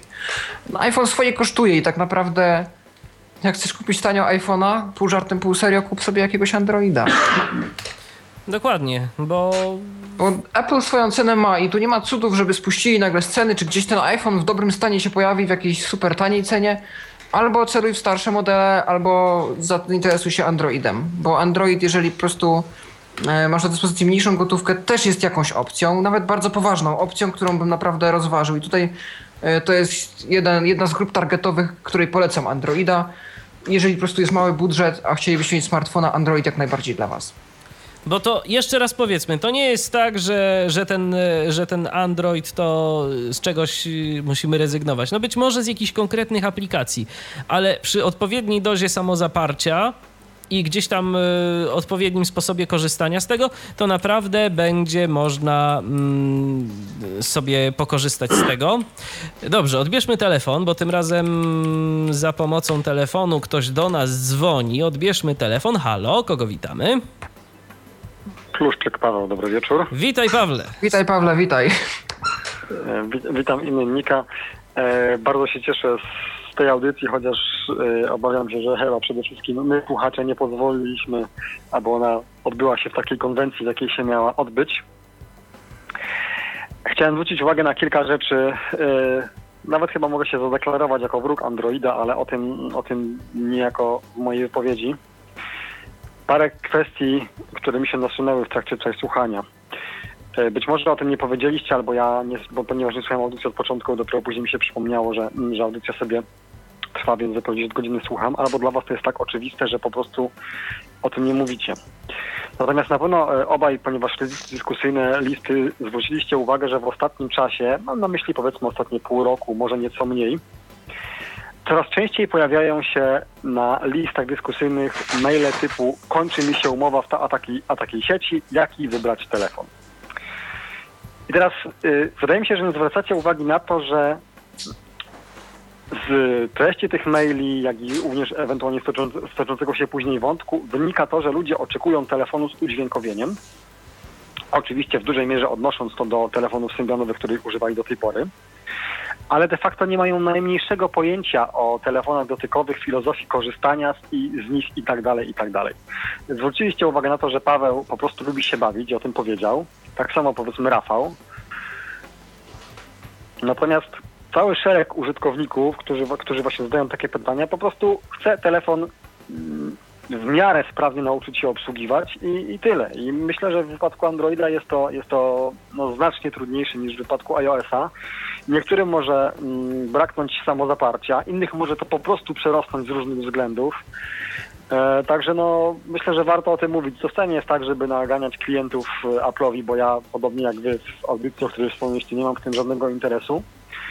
Natomiast po prostu odkąd nabyłem telefon z urządzenie z iOS-em, bo pierwszy to był iPad, iPad mini, no to y, zupełnie mi się, że tak powiem, zmienił, zmieniło postrzeganie pewnych rzeczy. No nie powiem, że stałem się jakimś neofitą, może by to było za duże określenie, niemniej jednak no coś jest na rzeczy. Co do y, zalet Androida, czy telefonów z Androidem, e, to co mi się podoba, to ta jakby większa rzeczywiście otwartość systemu, czyli na przykład kopiowanie sobie muzyki, jakieś tam kwestie dzwonków, Em, fakt, że on jest taki no w pewnym sensie otwarty, no to y, możliwość na przykład korzystania z tego nieszczęsnego Web TV, gdzie, gdzie tam się pojawiają różne wątki i tak dalej, co dla mnie akurat byłoby bardzo dużą zaletą, to są sprawy nie do przecenienia.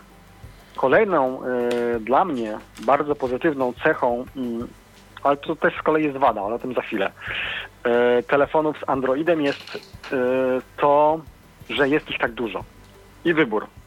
E, Apple niestety mm, wyznaczało jakiś czas temu pewne trendy, wręcz narzucało pewne standardy i to inni, inni gonili Apple. I to oczywiście miało swoje plusy, ale miało też minusy. E, Właśnie jak dla mnie chociażby, e, który po ostatnich doświadczeniach wiem, że dla mnie po prostu rozwiązaniem idealnym byłby Fablet. Okej, Apple coś zaczyna o tym myśleć, natomiast Fabletów z Androidem jest już no może kilka, może kilkanaście. Eee, moja Dominika ma właśnie taki telefon, który, który dostała ode mnie, to jest Sony Xperia Z Ultra. Już o tym też pisałem na, i mówiłem na kilku listach i w kilku podcastach. I to był telefon, tam teraz bodajże jest Android 4.3 na nim. I co mnie niesamowicie zniechęciło?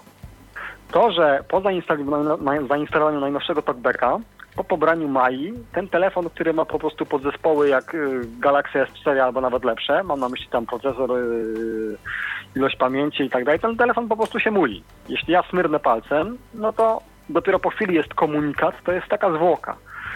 I teraz tak, czy Paweł, czy Rafał mogą mi powiedzieć, no sorry stary, musisz zrobić to, tamto, owam to, przetestować to, ewentualnie grać to, czy ewentualnie skorygować tamto. Nie, mnie, mnie to nie interesuje. Mnie interesuje, że tak powiem, skutek, a nie przyczyna tego, tego, żeby to jednak działało tak jak należy. Teraz co do tutaj tych kwestii jakby mm, związanych z zakupieniem e, telefonu, załóżmy w salonie, czy tam gdzieś tam i ewentualnie jego wstępnego uruchomienia. Ja wchodząc na przykład do iS- e, iSpota, ja się czuję jak VIP. I to nie to, że tam łechcę to moją próżność, tylko po prostu kompetencja tych ludzi, chęć pomocy, y, gotowość na a, odpowiadanie na moje pytania i tak dalej. Przeciętna jakaś tam panienka z okienka w salonie, no ona albo nie ma takiej wiedzy, albo po prostu nie ma czasu, żeby spędzić ze mną godzinę, bo tam za mm, plecami stoi mi już sznur klientów, którzy mnie po prostu zjedzą. Więc dla mnie to jest kolejny argument za salonami firmowymi. Domyślam się, że na przykład jakiś telefon firmy Sony czy coś takiego można kupić w salonach, e, w sklepach firmowych. tejże firmy. Natomiast no nie wiem, czy po prostu Samsung ma takie odpowiedniki, załóżmy e, e, iSpota, czy tam coś takiego, tak? Więc to jest też jakby kwestia, o której warto, myślę, wspomnieć, no bo myślę, że dla wielu ludzi to może mieć znaczenie. Ja zdaję sobie sprawę, że niestety no, nie jesteśmy zamożnymi ludźmi, więc musimy być skazani na to, co, co po prostu aktualnie jest pod ręką, na przykład przy wymienianiu telefonów. Natomiast myślę, i tu Michał y, potwierdzał niejako w swoich wypowiedziach, że jednak ten iOS dla takiego zwykłego usera, dla zwykłego po prostu zjadacza chleba jest y, znacznie bardziej mm, przyjaznym. Tak, systemem. ja nadal Ktoś, będę to twierdził. Ja nadal będę to twierdził. Jak ktoś chce mieć łatwo, szybko i wygodnie, to, Ja to też, iOS. ja to, ja to też zdaje się powiedziałem na początku audycji. No właśnie. A, tak, przy czym, e, tak jak mówiłem, e, jeżeli ktoś przechodzi z Nokii na coś kompletnie nowego i nie zna ani iPhone'a, ani Androida, to pewnie do wszystkiego jest się w stanie przyzwyczaić. Tu jest w ogóle ważną rzecz, zwróciłeś uwagę, że tego jest dużo. Ja myślę, że jest potrzeba, żeby stworzyć jakiś serwis, który by to wszystko w jednym miejscu dobrze opisywał, a nie ma czegoś takiego ani po angielsku, ani po polsku. Z kolei- który jest Mhm. Który jest dobry, który nie, dlaczego, który konkretnie ktoś przetestował z talkbackiem, co tam działa, co nie działa, jakie są efekty uboczne, co jest niezaetykietowane i tak dalej. E, Recenzje aplikacji, recenzje jakichś tam, no nie wiem, ROMów, no to już dla jakichś tam ekspertów, ale powiedzmy wszystkiego, co dotyczy Androida, że ja po prostu wchodzę, klikam w telefony, wyszukuję model i mam od razu informację. W tym telefonie niezaetykietowane są SMS-y, muli się z syntezatorem takim i takim, e, takie wiki. Nawet niech to będzie mechanizm wiki, Dokładnie, dokładnie. pod którym będziemy mogli podpinać różne artykuły i nawet będzie to baza edytowana przez użytkowników na bieżąco. Bo to, że ktoś jeden zrobi test, no to nie sprawdzi wszystkiego, e, to są jego subiektywne odczucia, no i tak dalej, i tak dalej. E, myślę, że tego typu baza powinna powstać, bo to Android jest dość rozległym tematem i e, to by na pewno ułatwiło. Dlatego ja właśnie powiedziałem, że e, ten wybór jest e, i, zaletą, i wadą, ponieważ no, można tutaj do, dopasować sobie telefon e, taki, jaki nam pasuje rozmiarem, designem i jeszcze jakimiś ewentualnymi układami, nie wiem, czy to klawiszy, czy złącz. No, ludzie mają bardzo różne preferencje, więc tak jak na przykład właśnie ja wspomniałem, że dla mnie rozwiązaniem idealnym będzie Fablet, więc bardzo czekam na, na a- Apple'owskiego Fableta.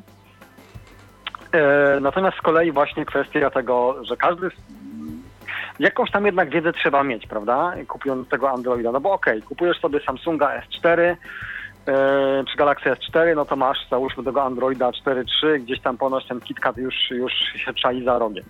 Kupując załóżmy jakiś tam LG G2, e, no to też tam mm, tak naprawdę nie ma się pewności, jaki się ten system będzie miało. Okej, można to sprawdzić w internecie, wybierając się do salonu czy coś takiego, ale nie jesteśmy przygotowani jako niewidomi użytkownicy na to, y, z czym nam się przyjdzie, przyjdzie spotkać. Ja pamiętam audycję, yy, która, która między innymi właśnie był Patryk, yy, między innymi był chyba Rafał, jakiś już ponad chyba dwa lata temu. O Androidzie, gdzie dzwoniłem jako osoba chcąca się tym zainteresować i szczerze powiedziawszy, mnie te wypowiedzi, które wówczas były, bardzo zniechęciły. Ja yy, czekałem na iPhone'a, yy, w sensie takim aż, do, aż do niego dojrzeję. Mm, No i dojrzałem. Tutaj jeszcze chciałbym nawrócić, wrócić na chwileczkę do tych kwestii ekranów dotykowych, dlatego że to jest naprawdę problem. Trzeba, trzeba czegoś spróbować, żeby się przekonać, czy to lubimy i to jest e, oczywiście prawda. Natomiast wydaje mi się, że całe, cały szereg osób, i ja oczywiście również byłem w tym gronie, to już nieważne, czy to jest Android, czy to jest iOS, ogólnie problem telefonów dotykowych, że po prostu ludzie nie mają jakiegokolwiek wyobrażenia, jak to funkcjonuje, jak to ugryźć, jak do tego podejść, y, co się z tym robi i, i tyle.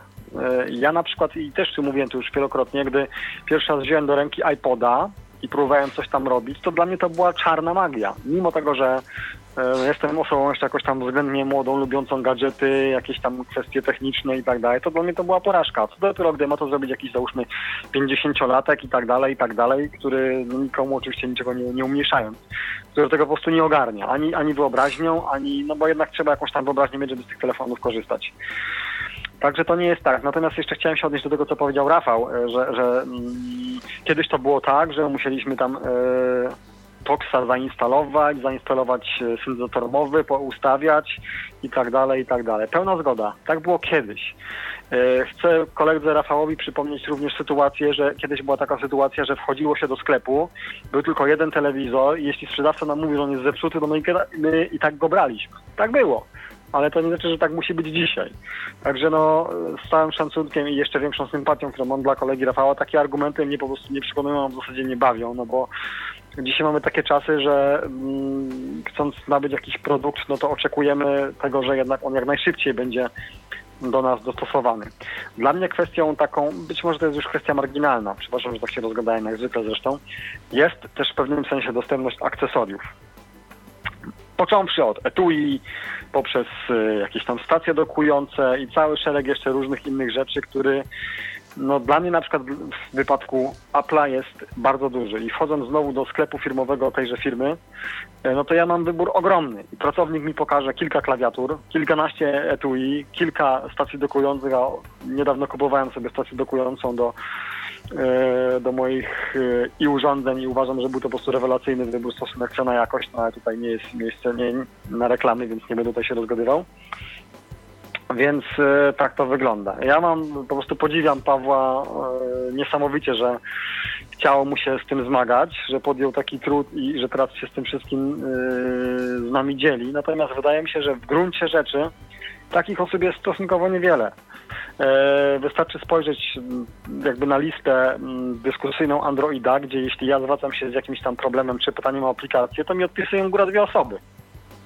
Podczas gdy na liście iOS-owej no, tych osób jest znacznie więcej. Więc to też w pewnym sensie świadczy o, o tym, że okej, Android jest dostępny, jest fajny, można się z nim zmagać, natomiast trzeba mieć, wydaje mi się, na początku przynajmniej sporo takiego zacięcia właśnie, jakie ma Paweł czy Rafał, którzy po prostu lubią eksperymentować, lubią się bawić, e, lubią mm, podejmować nowe wyzwania i to jest okej. To jest fajne i dzięki nim mamy tą wiedzę, którą mamy, natomiast myślę, że przeciętny użytkownik albo gość, któremu się, tak jak mnie, coraz mniej chce, no to jednak skorzysta, skorzysta z tego iOS-a. Ja powiem szczerze, że to, co mówił, to, co mówił e, drugi Patryk chwilę temu, że za kilka lat doczekamy, przepraszam najmocniej, doczekamy e, tej równorzędności, dostępności i to będzie fajne. I wtedy ja na pewno do tego Androida też będę chciał jakby jeszcze raz wrócić, bo e, właśnie najbardziej, najbardziej jednak podoba mi się ten wybór urządzeń, że jest tak duży i można dopasować do siebie. No i ta w pewnym sensie otwartość systemu. Mm, jednak też Michał tutaj wspomniał, że mm, dla mm, urządzeń z iOS-em czy, y, czy tam coś, y, no troszeczkę co się już otwiera, tam programiści jakieś tam luki w cudzysłowie oczywiście dostali, czy tam powiedzmy są rzeczy typu Dropbox albo na przykład wrzucanie pewnych rzeczy przez jakby klienta FTP wbudowanego w aplikację na przykład do mm, playerów wideo.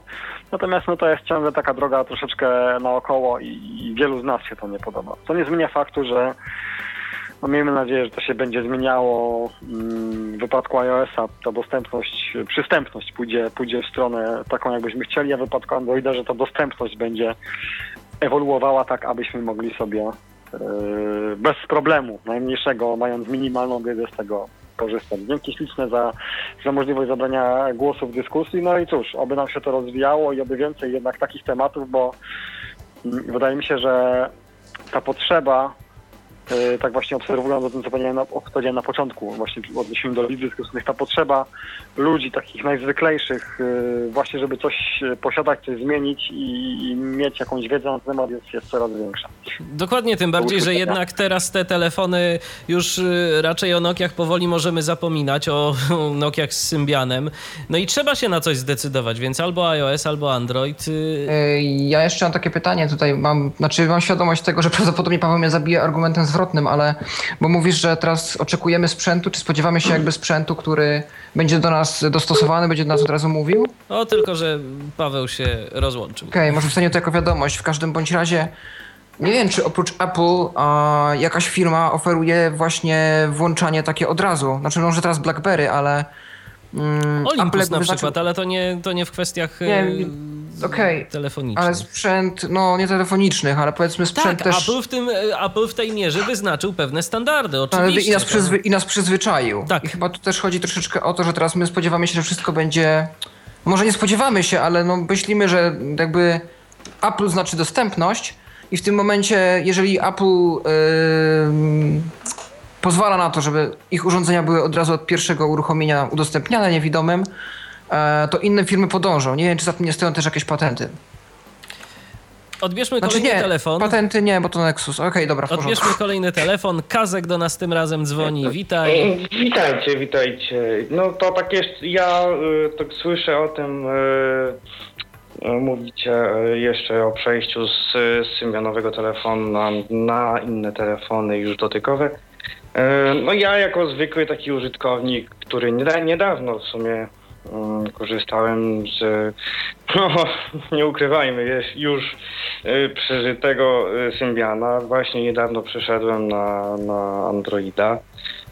No i tutaj Paweł Pluszczyk powiedział, że, z, z, że no, ci, którzy przechodzą z Symbiana na Androida muszą się ze, zmagać z Androida. Ja wam powiem szczerze, ja mam takie odczucia, że e, ten Android wcale nie jest aż taki zły.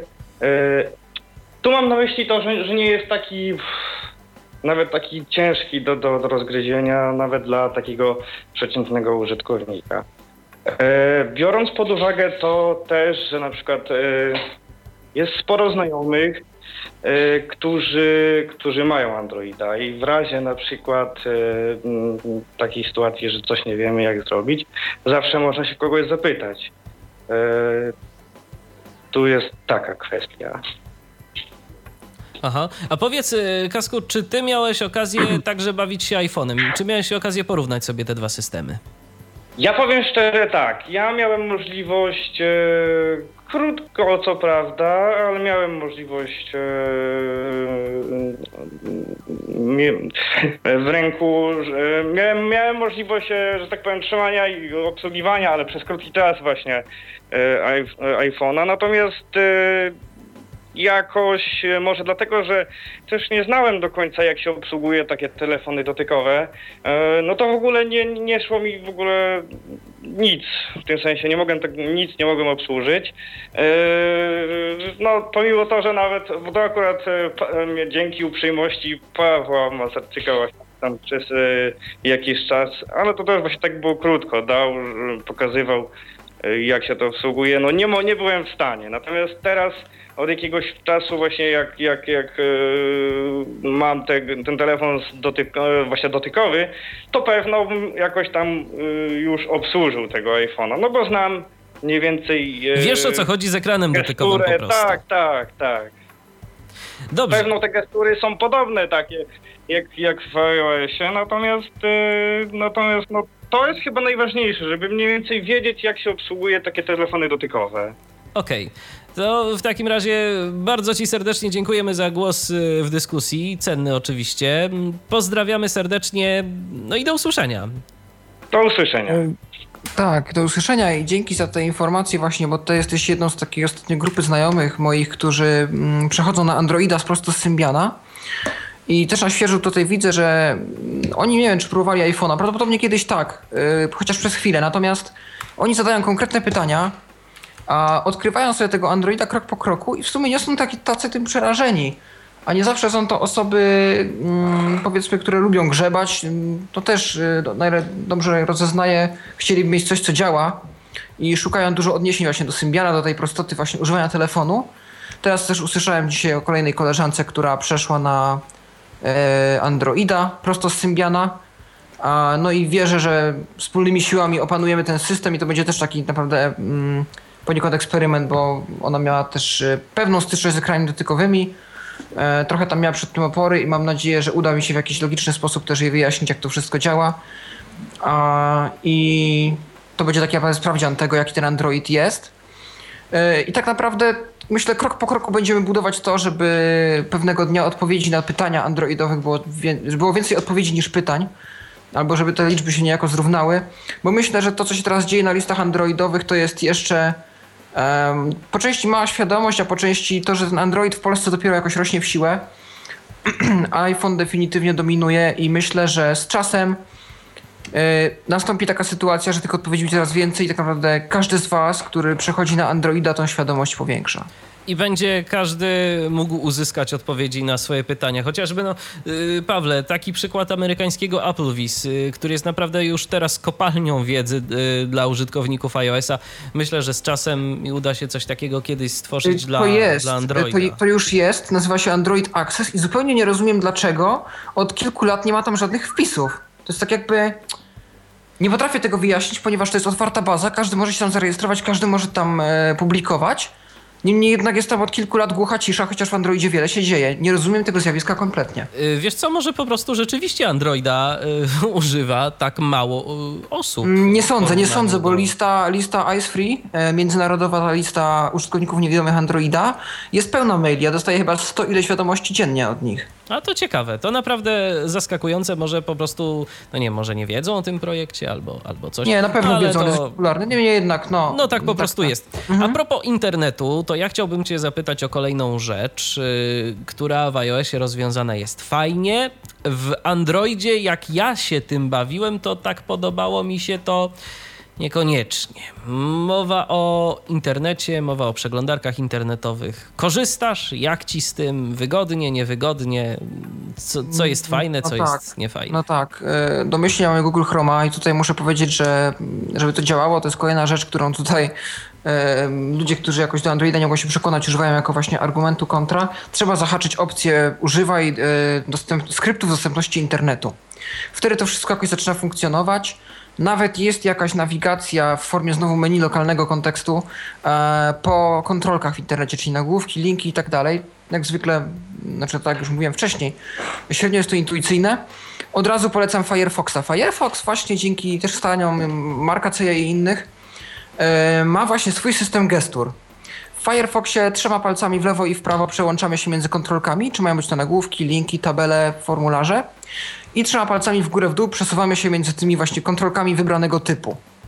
I to mm, w dużym stopniu przypomina pokrętło iOS-owskie, jest bardzo wygodne i z całego serca polecam właśnie Firefoxa jako przeglądarkę, chyba bardziej niż Chroma. Swoją drogą ostatnio właśnie Marko na swoim blogu y, opisywał technicznie, jak oni to zrealizowali. To też jest taka dosyć ciekawa lektura dla tych y, osób, które interesują takie różne y, takie bardzo techniczne aspekty y, programowania mm, i implementacji mechanizmów dostępnościowych. Także jeżeli ktoś ma ochotę, to, to też sobie może o tym poczytać y, na blogu właśnie Marka. A jak jest z użytecznością stron w ogóle, z nawigacją? To działa to jakoś płynnie? Czegoś nie możesz zrobić, co mogłeś zrobić na y, iOSie, a może na iOSie czegoś nie mogłeś zrobić, co możesz zrobić tu i teraz na Androidzie? Y, przede wszystkim podoba mi się w Firefoxie to, że to jest tak Firefox. Y, co za tym idzie? Mam synchronizację pełną między tym, co robię na komputerze, a co robię na telefonie. W Chromie jest to samo i Chrome jest też dostępny na iOS-a, E, natomiast jednak większość ludzi używa tam Safari, a Safari na Windowsa dostępne nie jest. I tutaj się zamyka jakby pętla. A, natomiast Firefoxa wielu z nas używa na komputerze i w ten sposób możemy utrzymywać jedną historię, jedne zakładki na telefonie i na komputerze. Okej. Okay. Właśnie w tym momencie y, w międzyczasie wywiązała się ciekawa dyskusja z M. Kameniakiem, który pisze i pyta, dlaczego do nas y, nie da się zadzwonić. To może spróbujmy zadzwonić do M. Kameniaka, Dobrze? Y, bo stwierdził, że się nie da do nas zadzwonić. No to zaraz się da zadzwonić. Może, może właśnie zaraz odbierze. Proszę bardzo. Witaj M. Kamaniaku. Słuchamy witam, twojej witam, wypowiedzi. No zobacz, da się zadzwonić. Nawet Tyflo Podcast do ciebie dzwoni. No tak, Tyflo Podcast do mnie dzwoni, ale ja dzwoniłem do Tyflo Podcastu i co chwilę mnie odrzucało. A to nie wiem dlaczego. To ciekawe. Też nie wiem. Nie Może wiem, po ale... prostu ktoś w tym momencie był z nami na linii. No ale w każdym razie jesteś, słuchamy cię. Może. No właśnie. Yy, ja chcę, chciałem się też włączyć w dyskusję, gdyż yy, od sierpnia praktycznie tamtego roku yy, zacząłem zabawę z telefonem dotykowym i też przesiadałem się z Symbiana na telefon dotykowy i na telefon z Androidem. Stwierdziłem, że Y, jak, że tak powiem, zaczynać przygodę z dotykowcem, no to od trudniejszych rzeczy, bo to zawsze było przedstawiane jako trudniejsze. Zresztą wtedy jeszcze Paweł miał, miał iPhone'a i, i, i też no nie, nie, nie myślał wtedy jeszcze o, chyba o Androidzie, z tego co wiem. No, zgadza się. No i ja z kolei y, tam miałem parę telefonów y, do wyboru w plusie, bo z plusa wziąłem y, w abonamencie, takich tańszych. Nie mówię o, o tutaj o flagowcach typu Galaxy tam S4 czy, czy, czy, czy, czy, czy jakieś tam Sony Xperia, TZ i tak dalej. Tylko takich telefonów, no może nie do końca budżetowych, ale takich około 800 zł. No i ja y, tak rozmawiałem tutaj z chłopakami, bo miałem tam S3 Mini Galaxy chyba i LG L9 z tych takich najfajniejszych, Swift L9. No i wybrałem tego LG, bo mm, okazało się, że jednak jakoś jest dostępny, a był troszeczkę większy, bo to też jest, yy, nie wiem czy to było mówione, bo ja nie słucham od początku. To jest trochę ważne jednak, że zbyt mały ekran czasem może być w Androidzie niewygodny do robienia takich złożonych gestur, które są yy, w poziomie i w pionie, takie elki tak zwane. A to pewnie Paweł mówił o tym. No i tak samo też często, czę, często jest problem, jeśli mamy za dużo ikonek. Yy, To ciężko jest trafić na małym ekranie w tą poszczególną ikonkę. To akurat jeśli mówię o eksploracji. Jeśli chodzi o tego LG-ka, no to okej, y, do dzwonienia i tak dalej i pisania SMS-ów jakoś się tam człowiek przyzwyczaił.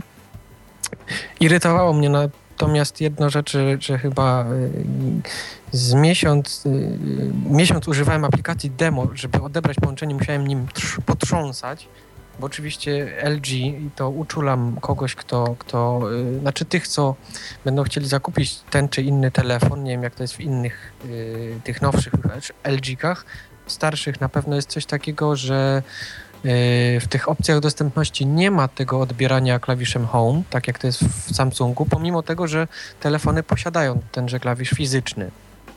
Y, No i tego nie ma. Dopiero po jakimś tam czasie, jak mi się skończyło demo tej aplikacji, no znalazłem coś do odbierania i do dzisiaj właściwie tego używam, do odbierania czujnikiem zbliżeniowym.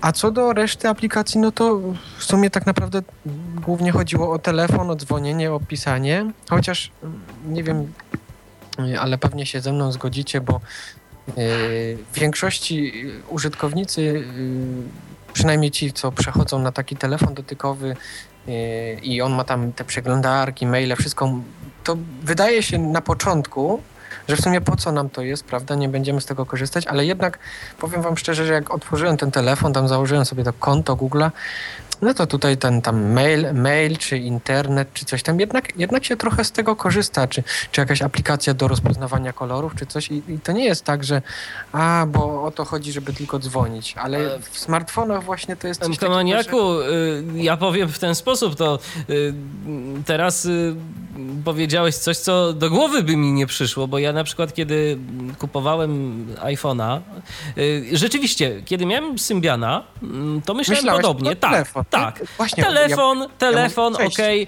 jest do dzwonienia, y, wszystko, wszystko ładnie, pięknie. Natomiast ja już kiedy y, nosiłem się z zamiarem kupna iPhone'a, to wiedziałem, że ja po prostu z tego wszystkiego chcę korzystać. Ja sobie chcę zainwestować jeszcze w pakiet internetowy, chcę mieć ten internet wszędzie ze sobą, chcę mieć możliwość czytania stron, po, sprawdzania poczty, korzystania z wszystkiego. No po coś się te pieniądze w końcu wydaje, tak? Nie no, tak, to ja rozumiem, tylko że, że właśnie jak na początku to chcemy, żeby on nam dzwonił i wydaje nam się, że to tylko tyle i, i to super jak jest, ale jak już to wszystko działa, to jednak użytkownik smartfona chce właśnie czegoś więcej. I o to mi właśnie chodzi, że na Symbianie kiedyś to się tak wydawało, a bo to telefon, no, do tego mam to, do tam komputer i tak dalej, ale no jednak smartfony taką, taką jakby erę tą y, rozpoczęły.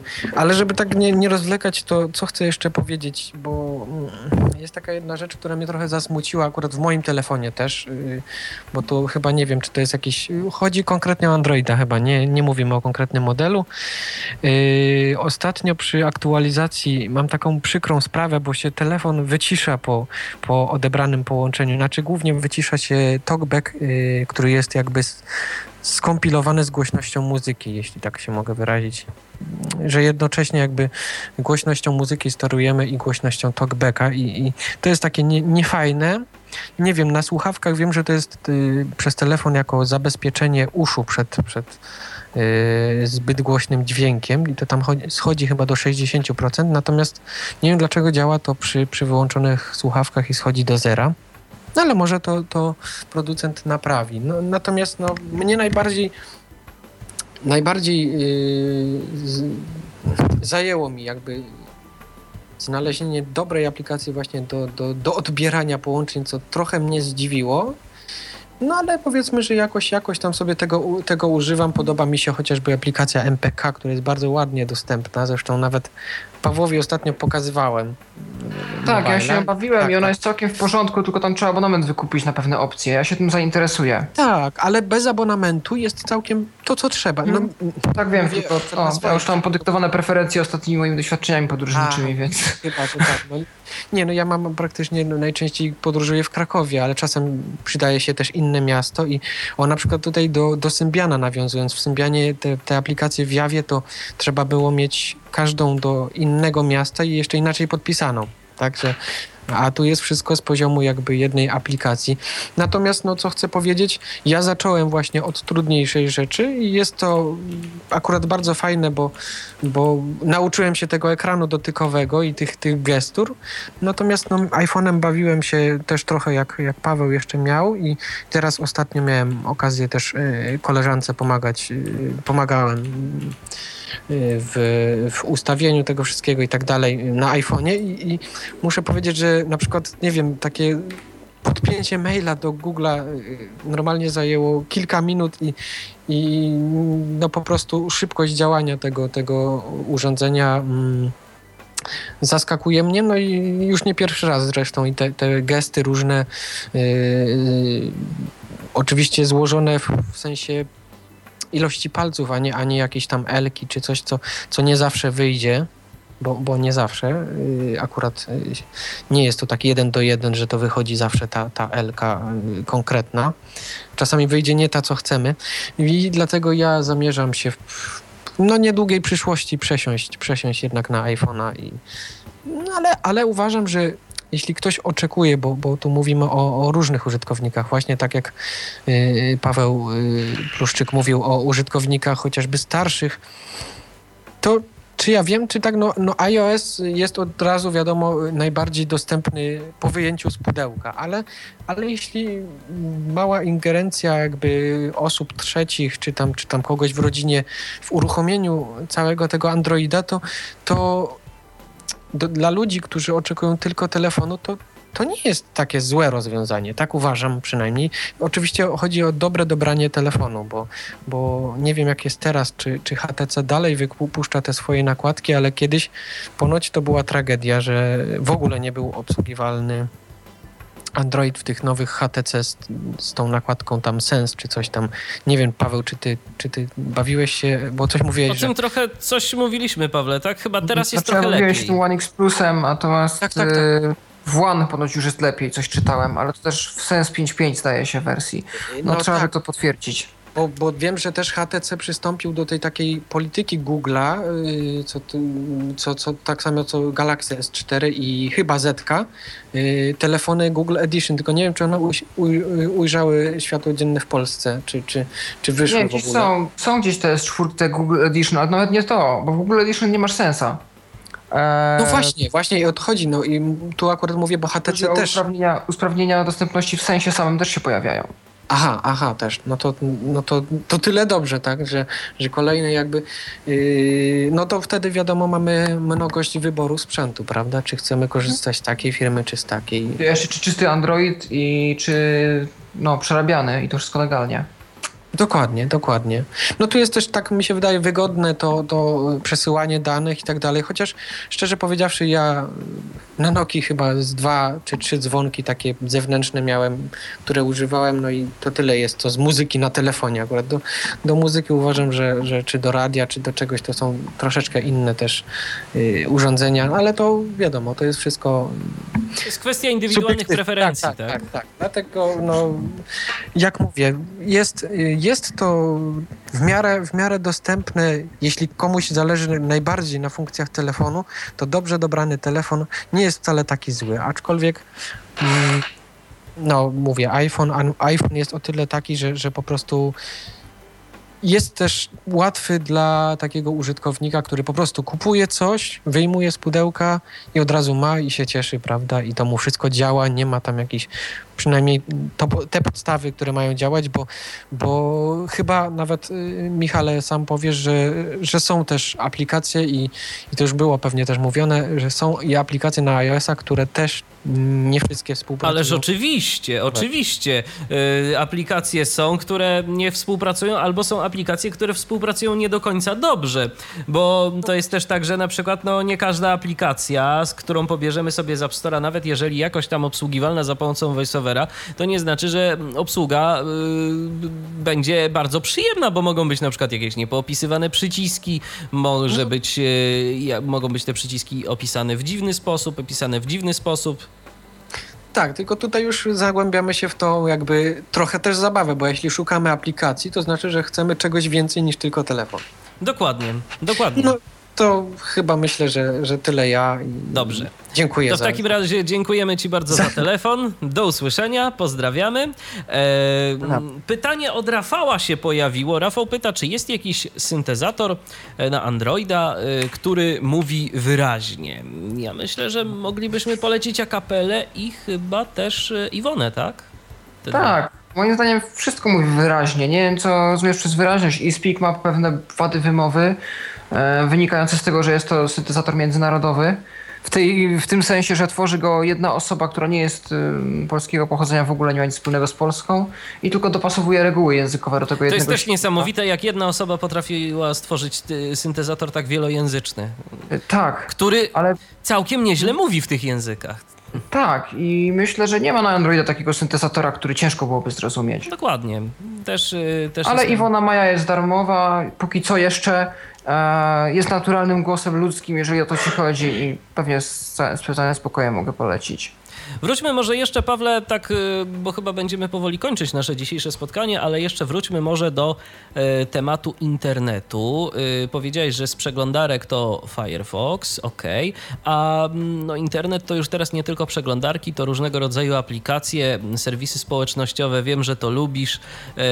Twitter, Facebook i pewnie jeszcze masa innych różnych mniej znanych narzędzi. O Foursquare'ze to już opowiadałeś swego czasu i nawet dziś się do niego odniosłeś. A jak to jest właśnie z serwisami, z serwisami społecznościowymi i z dostępnością ich klientów e, w przypadku Androida? Jak rozumiem, interesuje pewnie większość słuchaczy i ciebie Facebook i Twitter, te dwa najpopularniejsze. No na pewno, może jeszcze Google+. Mm, tak, mm, jeżeli chodzi właśnie o Facebooka, ja osobiście używam oficjalnej aplikacji. Kiedyś ludzie tam na nią przeklinali, że ona jest niedostępna, że ciężko się obsługuje. E, nie widzę wielkich różnic między właśnie androidową wersją a iPhone'ową, e, iOS-ową w sensie. Tak samo są zakładki u góry, a tam powiadomienia, e, znajomi, aktualności i tak dalej, i tak dalej. I myślę, że w ten sam sposób jest to wszystko tam oznajmiane. Może nie mamy takich wygodnych gestur do lubienia i komentowania, natomiast y, na pewno y, aplikację Facebooka mogę polecić.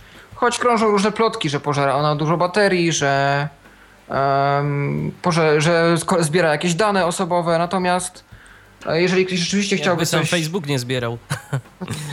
Oczywiście. Jeżeli ktoś by chciał czegoś alternatywnego, to zdaje się, że tam Friendcaster ludzie polecają. Natomiast ja osobiście jestem zadowolony z Facebooka oficjalnego.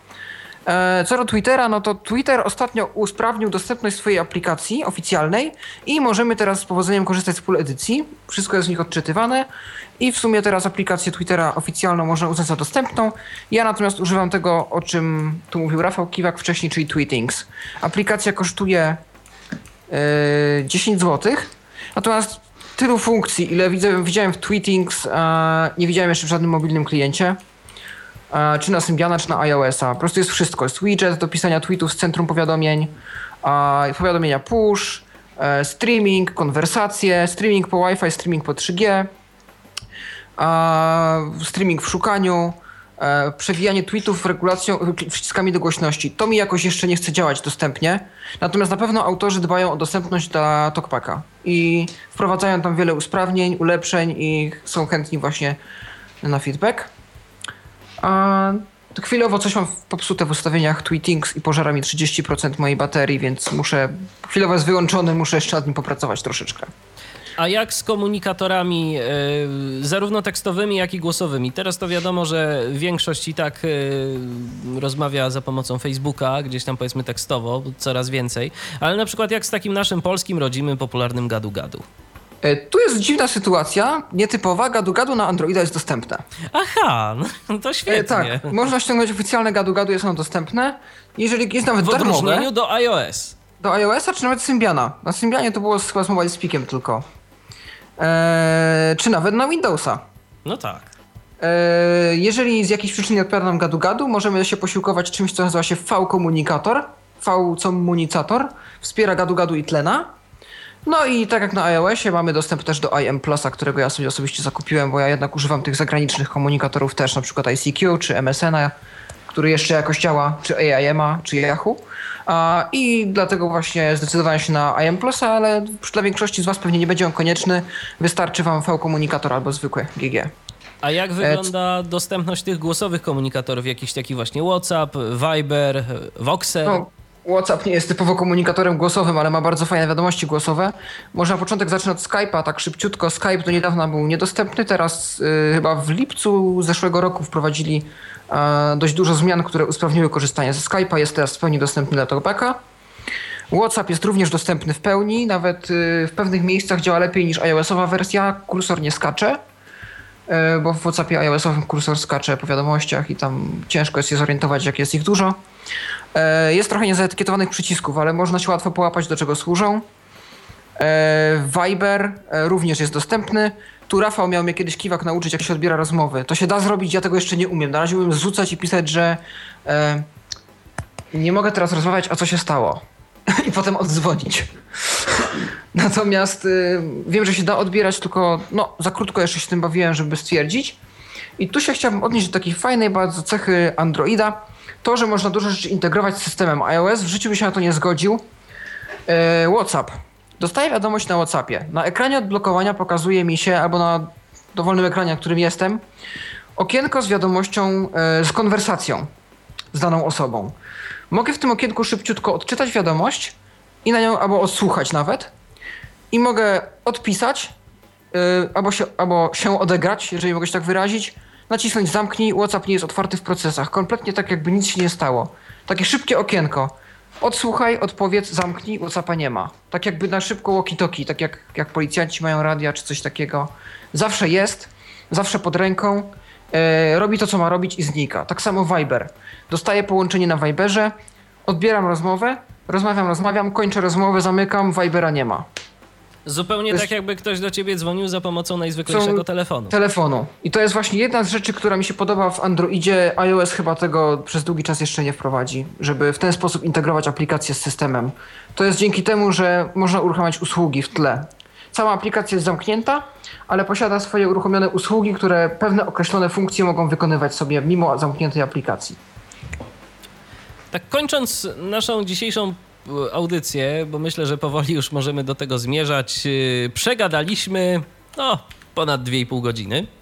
A to też dzięki y, w dużej mierze naszym słuchaczom, którzy, tak którzy dziś dopisali i bardzo serdecznie mhm. dziękujemy. Mhm. Pawle, to ja tak zapytam przewrotnie. Co by się musiało stać w iOSie, żebyś do niego wrócił? Um, przede wszystkim nie wiem, czy w ogóle cokolwiek da się zrobić. Znaczy teraz to brzmi jak taki typowy fanboy a, i nie chcę, bo to nie jest tak. Ja podziwiam Apple za to, co robią. A, doceniam to, co dla nas robią, doceniam te wszystkie rozwiązania dostępnościowe i jak najbardziej polecam iPhone'a. Są tacy z Was, którym ten iPhone na pewno lepiej będzie służył. Um, nie wiem, Apple musiałby się prawdopodobnie rozdzielić, nie robić monopolu. Tu jest ta obawa, że przez to, że jest monopol, i iOS, Apple, mm, to jest wszystko zamknięte hermetycznie koło, e, może kiedyś po prostu wypaść z rynku. To już wielu osób przewidywało, to stało się z Nokią i Symbianem. To był jeden z takich właśnie ruchów oporu przed tym, żeby ten system Symbian zagościł na urządzeniach innych producentów. E, niestety właśnie przez to, że mm, ten Apple będzie jeszcze trzymał na rynku przez jakiś czas na pewno, i może prawdopodobnie ja też nie mam racji, teraz tak mówię z perspektywy mojej, bo, bo lubię Androida, troszeczkę tak, bo podoba mi się filozofia. Nie wiem, co musieliby zrobić. Oni prawdopodobnie nie zrobią mm, nic tak rewolucyjnego, jak właśnie po prostu otwarcie zależy się. ci przede wszystkim na otwartości. Otwartości. Na Tak, tym, na żeby otwartości. bez kombinowaniu z jailbreakiem Tak, można było na tym, więcej w tym systemie pozmieniać. To jest jedna rzecz, a druga, że nareszcie jako osoba niewidoma nie jestem skazany na jedną markę. Mogę sobie wybrać, czy chcę Samsunga, czy chcę Google, czy chcę LG, czy jakieś HTC, czy nawet tego Kazama. Bo ja się osobiście nie boję wyzwań takich jak jakaś konfiguracja wstępna. A, I mogę jako osoba niewidoma zdecydować y, się na jakąś z jedną z wielu marek. Słuchacze telefonu. nie chcą nas puścić, bo mamy kolejny telefon. Halo, kogo witamy tym razem? Halo? Oj, Halo? ktoś się nie... Czy się słyszymy? Czy się nie słyszymy? No i chyba się jednak nie słyszymy.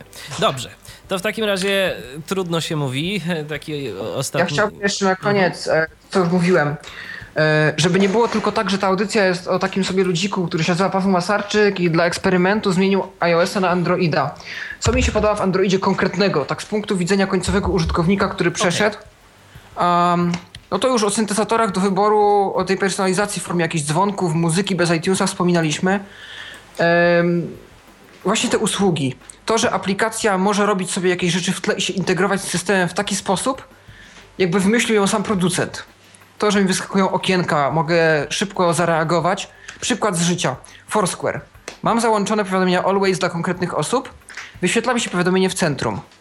I obok każdego powiadomienia mam przycisk comment, przycisk like. Naciskam like, powiadomienie znika, polubiłem check-in. Nie mam otwartego Foursquare'a. E-mail. Dostaję e-maila. Przycisk odpowiedz, przycisk archiwizuj. Naciskam odpowiedz, redaguję odpowiedź, wyślij, wszystko znika. To samo jest w tweetings. Jeżeli dostaję odpowiedź na tweeta, wspomnienie tak zwane, czy wiadomość bezpośrednią, klikam szybko w reply, wpisuję moją odpowiedź, wyślij, wszystko znika. Em, kolejna rzecz, widgety. Widgety to są takie jakby kawałki aplikacji, które możemy zamieścić sobie na ekranie głównym albo odblokowania i wykonywać te najczęściej em, pożądane, że tak powiem, operacje. Mam taki y, rejestrator dźwięku ASR, który pozwala na tworzenie nagrań w stereo. On w wersji Pro ma widgeta. Mogę na pulpicie e, postawić sobie ten widget i wtedy mam przycisk nagraj, zatrzymaj, czyli przewijam do szóstej strony, a mam przycisk na tej szóstej stronie nagrywaj. Naciskam nagrywaj, nagrywanie się zaczyna. Mogę ten telefon schować do kieszeni, robić za nim co chcę. Wracam do szóstej strony, naciskam stop. Tworzy się nagranie w tym momencie.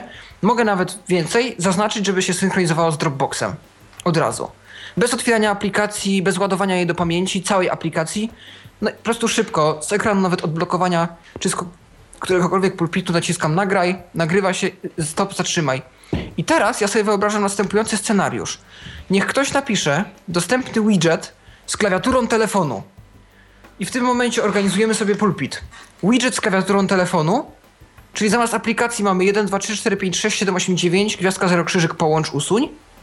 A pod spodem w doku, czyli te części stałe pulpitu, to co na iPhone'ie macie telefon, Safari, mail, yy, muzyka, tam wrzucić kontakty, wiadomości i parę innych funkcji, które normalnie chcielibyście mieć pod ręką do zwykłego dzwonienia. I macie emulowany, czy zasymulowany yy, interfejs najzwyklejszej w świecie Nokii.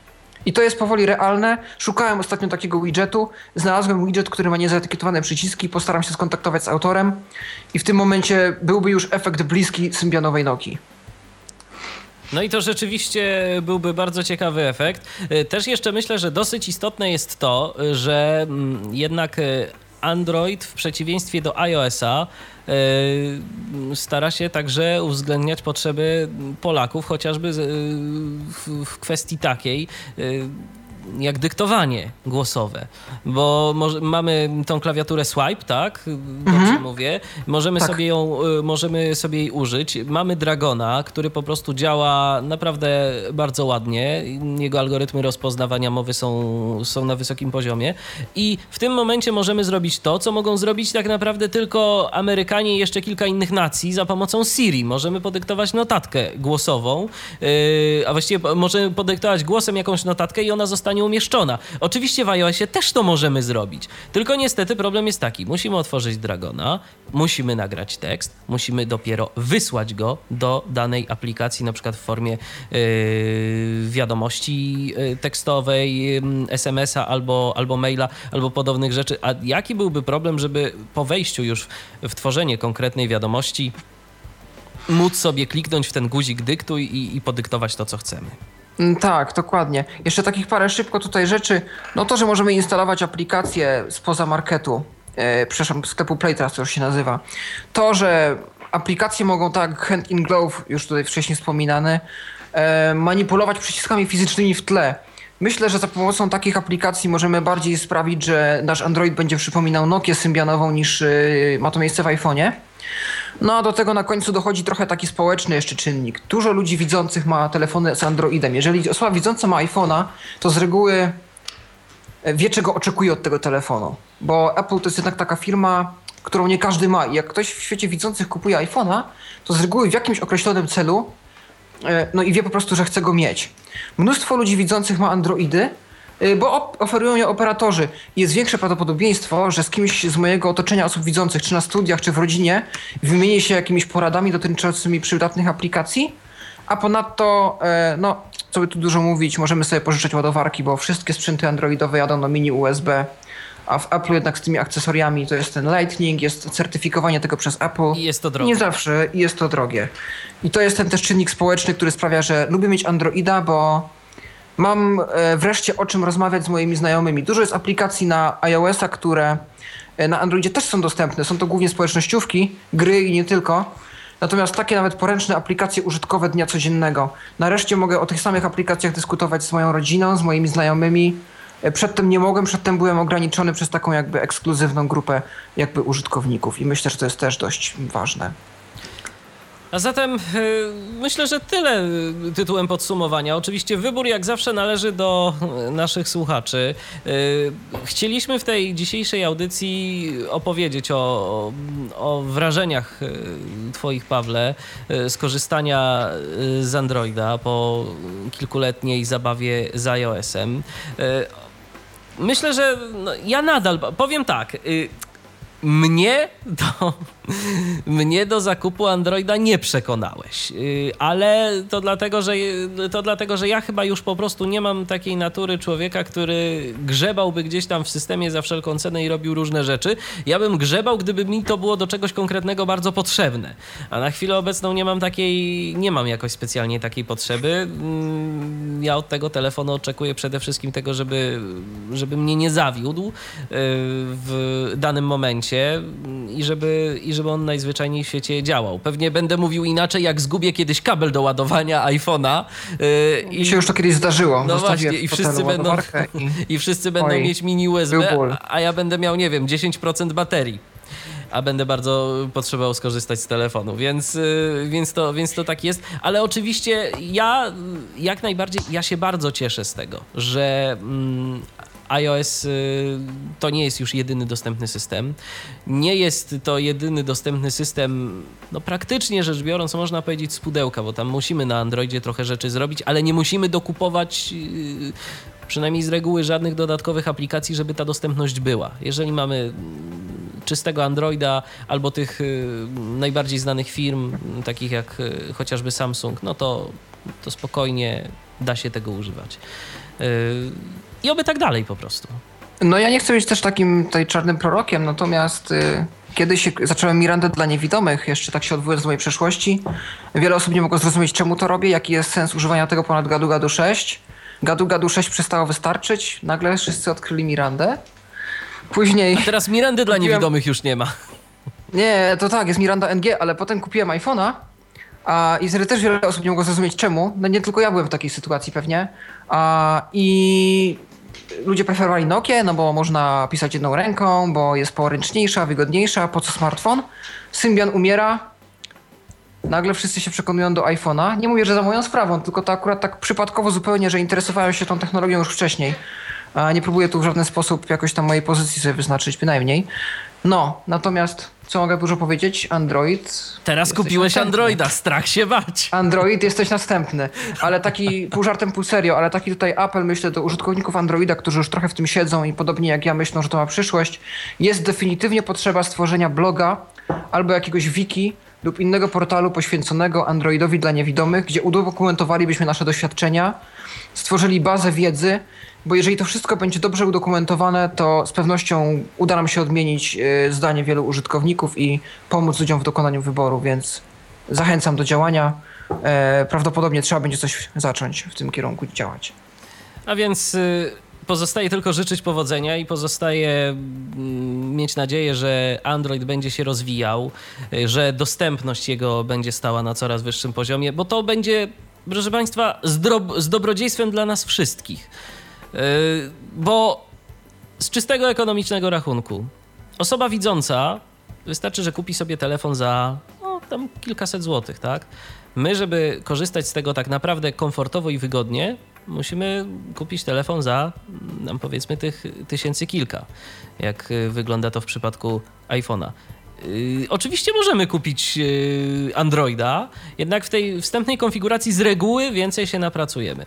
A gdyby można było kupić sobie telefon, który od samego początku, od pierwszego uruchomienia yy, uda się uczynić dostępnym i ten telefon kosztowałby kilkaset złotych, tam powiedzmy 200, 300, 500, no to myślę, że wiele osób by się naprawdę nie zastanawiało nad tym, czy kupić sobie iPhone'a, czy kupić sobie Androida, gdyby, gdyby tu po prostu parę rzeczy było jednak bardziej dopracowanych, a ci użytkownicy, którzy decydowaliby się na iPhone'a, to po prostu dlatego, że naprawdę rzeczywiście wiedzieliby, czego chcą od tego telefonu, albo dlatego, że po prostu bardzo sympatyzują z Applem, bo też tak może być. Tak. Więc y, tyle myślę, że y, w naszej dzisiejszej audycji. Ja Ci, Pawle, bardzo serdecznie dziękuję za udział w programie. Także dziękuję Ci za danie mi tej możliwości i za to, że mogłem tutaj zaświadczyć o tym, a, jaki teraz jest stan właśnie Androida i e, że mogłem tutaj podać przykład właśnie, być przykładem osoby, która przeszła z iOS-a na Androida, zrobiła taki nietypowy ruch. Mam nadzieję, że będzie to z korzyścią e, dla naszych słuchaczy także. Ja również mam taką nadzieję. Dziękuję wszystkim słuchaczom, którzy do nas dzwonili. No i cóż, e, ze swojej strony także dziękuję za uwagę. E, Sprzed mikrofonu i za konsolety Tyfloradia kłania się Michał Dziwisz e, w te nasze szóste urodziny. Nie szóste urodziny Tyfloradia, ale szóste urodziny Tyflo Podcastu. Dziękuję za uwagę. Spotkamy się, tak jak już wspominałem. Kolejne audycje zaczną się pojawiać za mniej więcej trzy tygodnie. Teraz udaje się na, no, mam nadzieję, zasłużony urlop. Trzymajcie się, do usłyszenia. Był to Tyflo Podcast. Pierwszy polski podcast dla niewidomych i słabowidzących. Program współfinansowany ze środków Państwowego Funduszu Rehabilitacji Osób Niepełnosprawnych.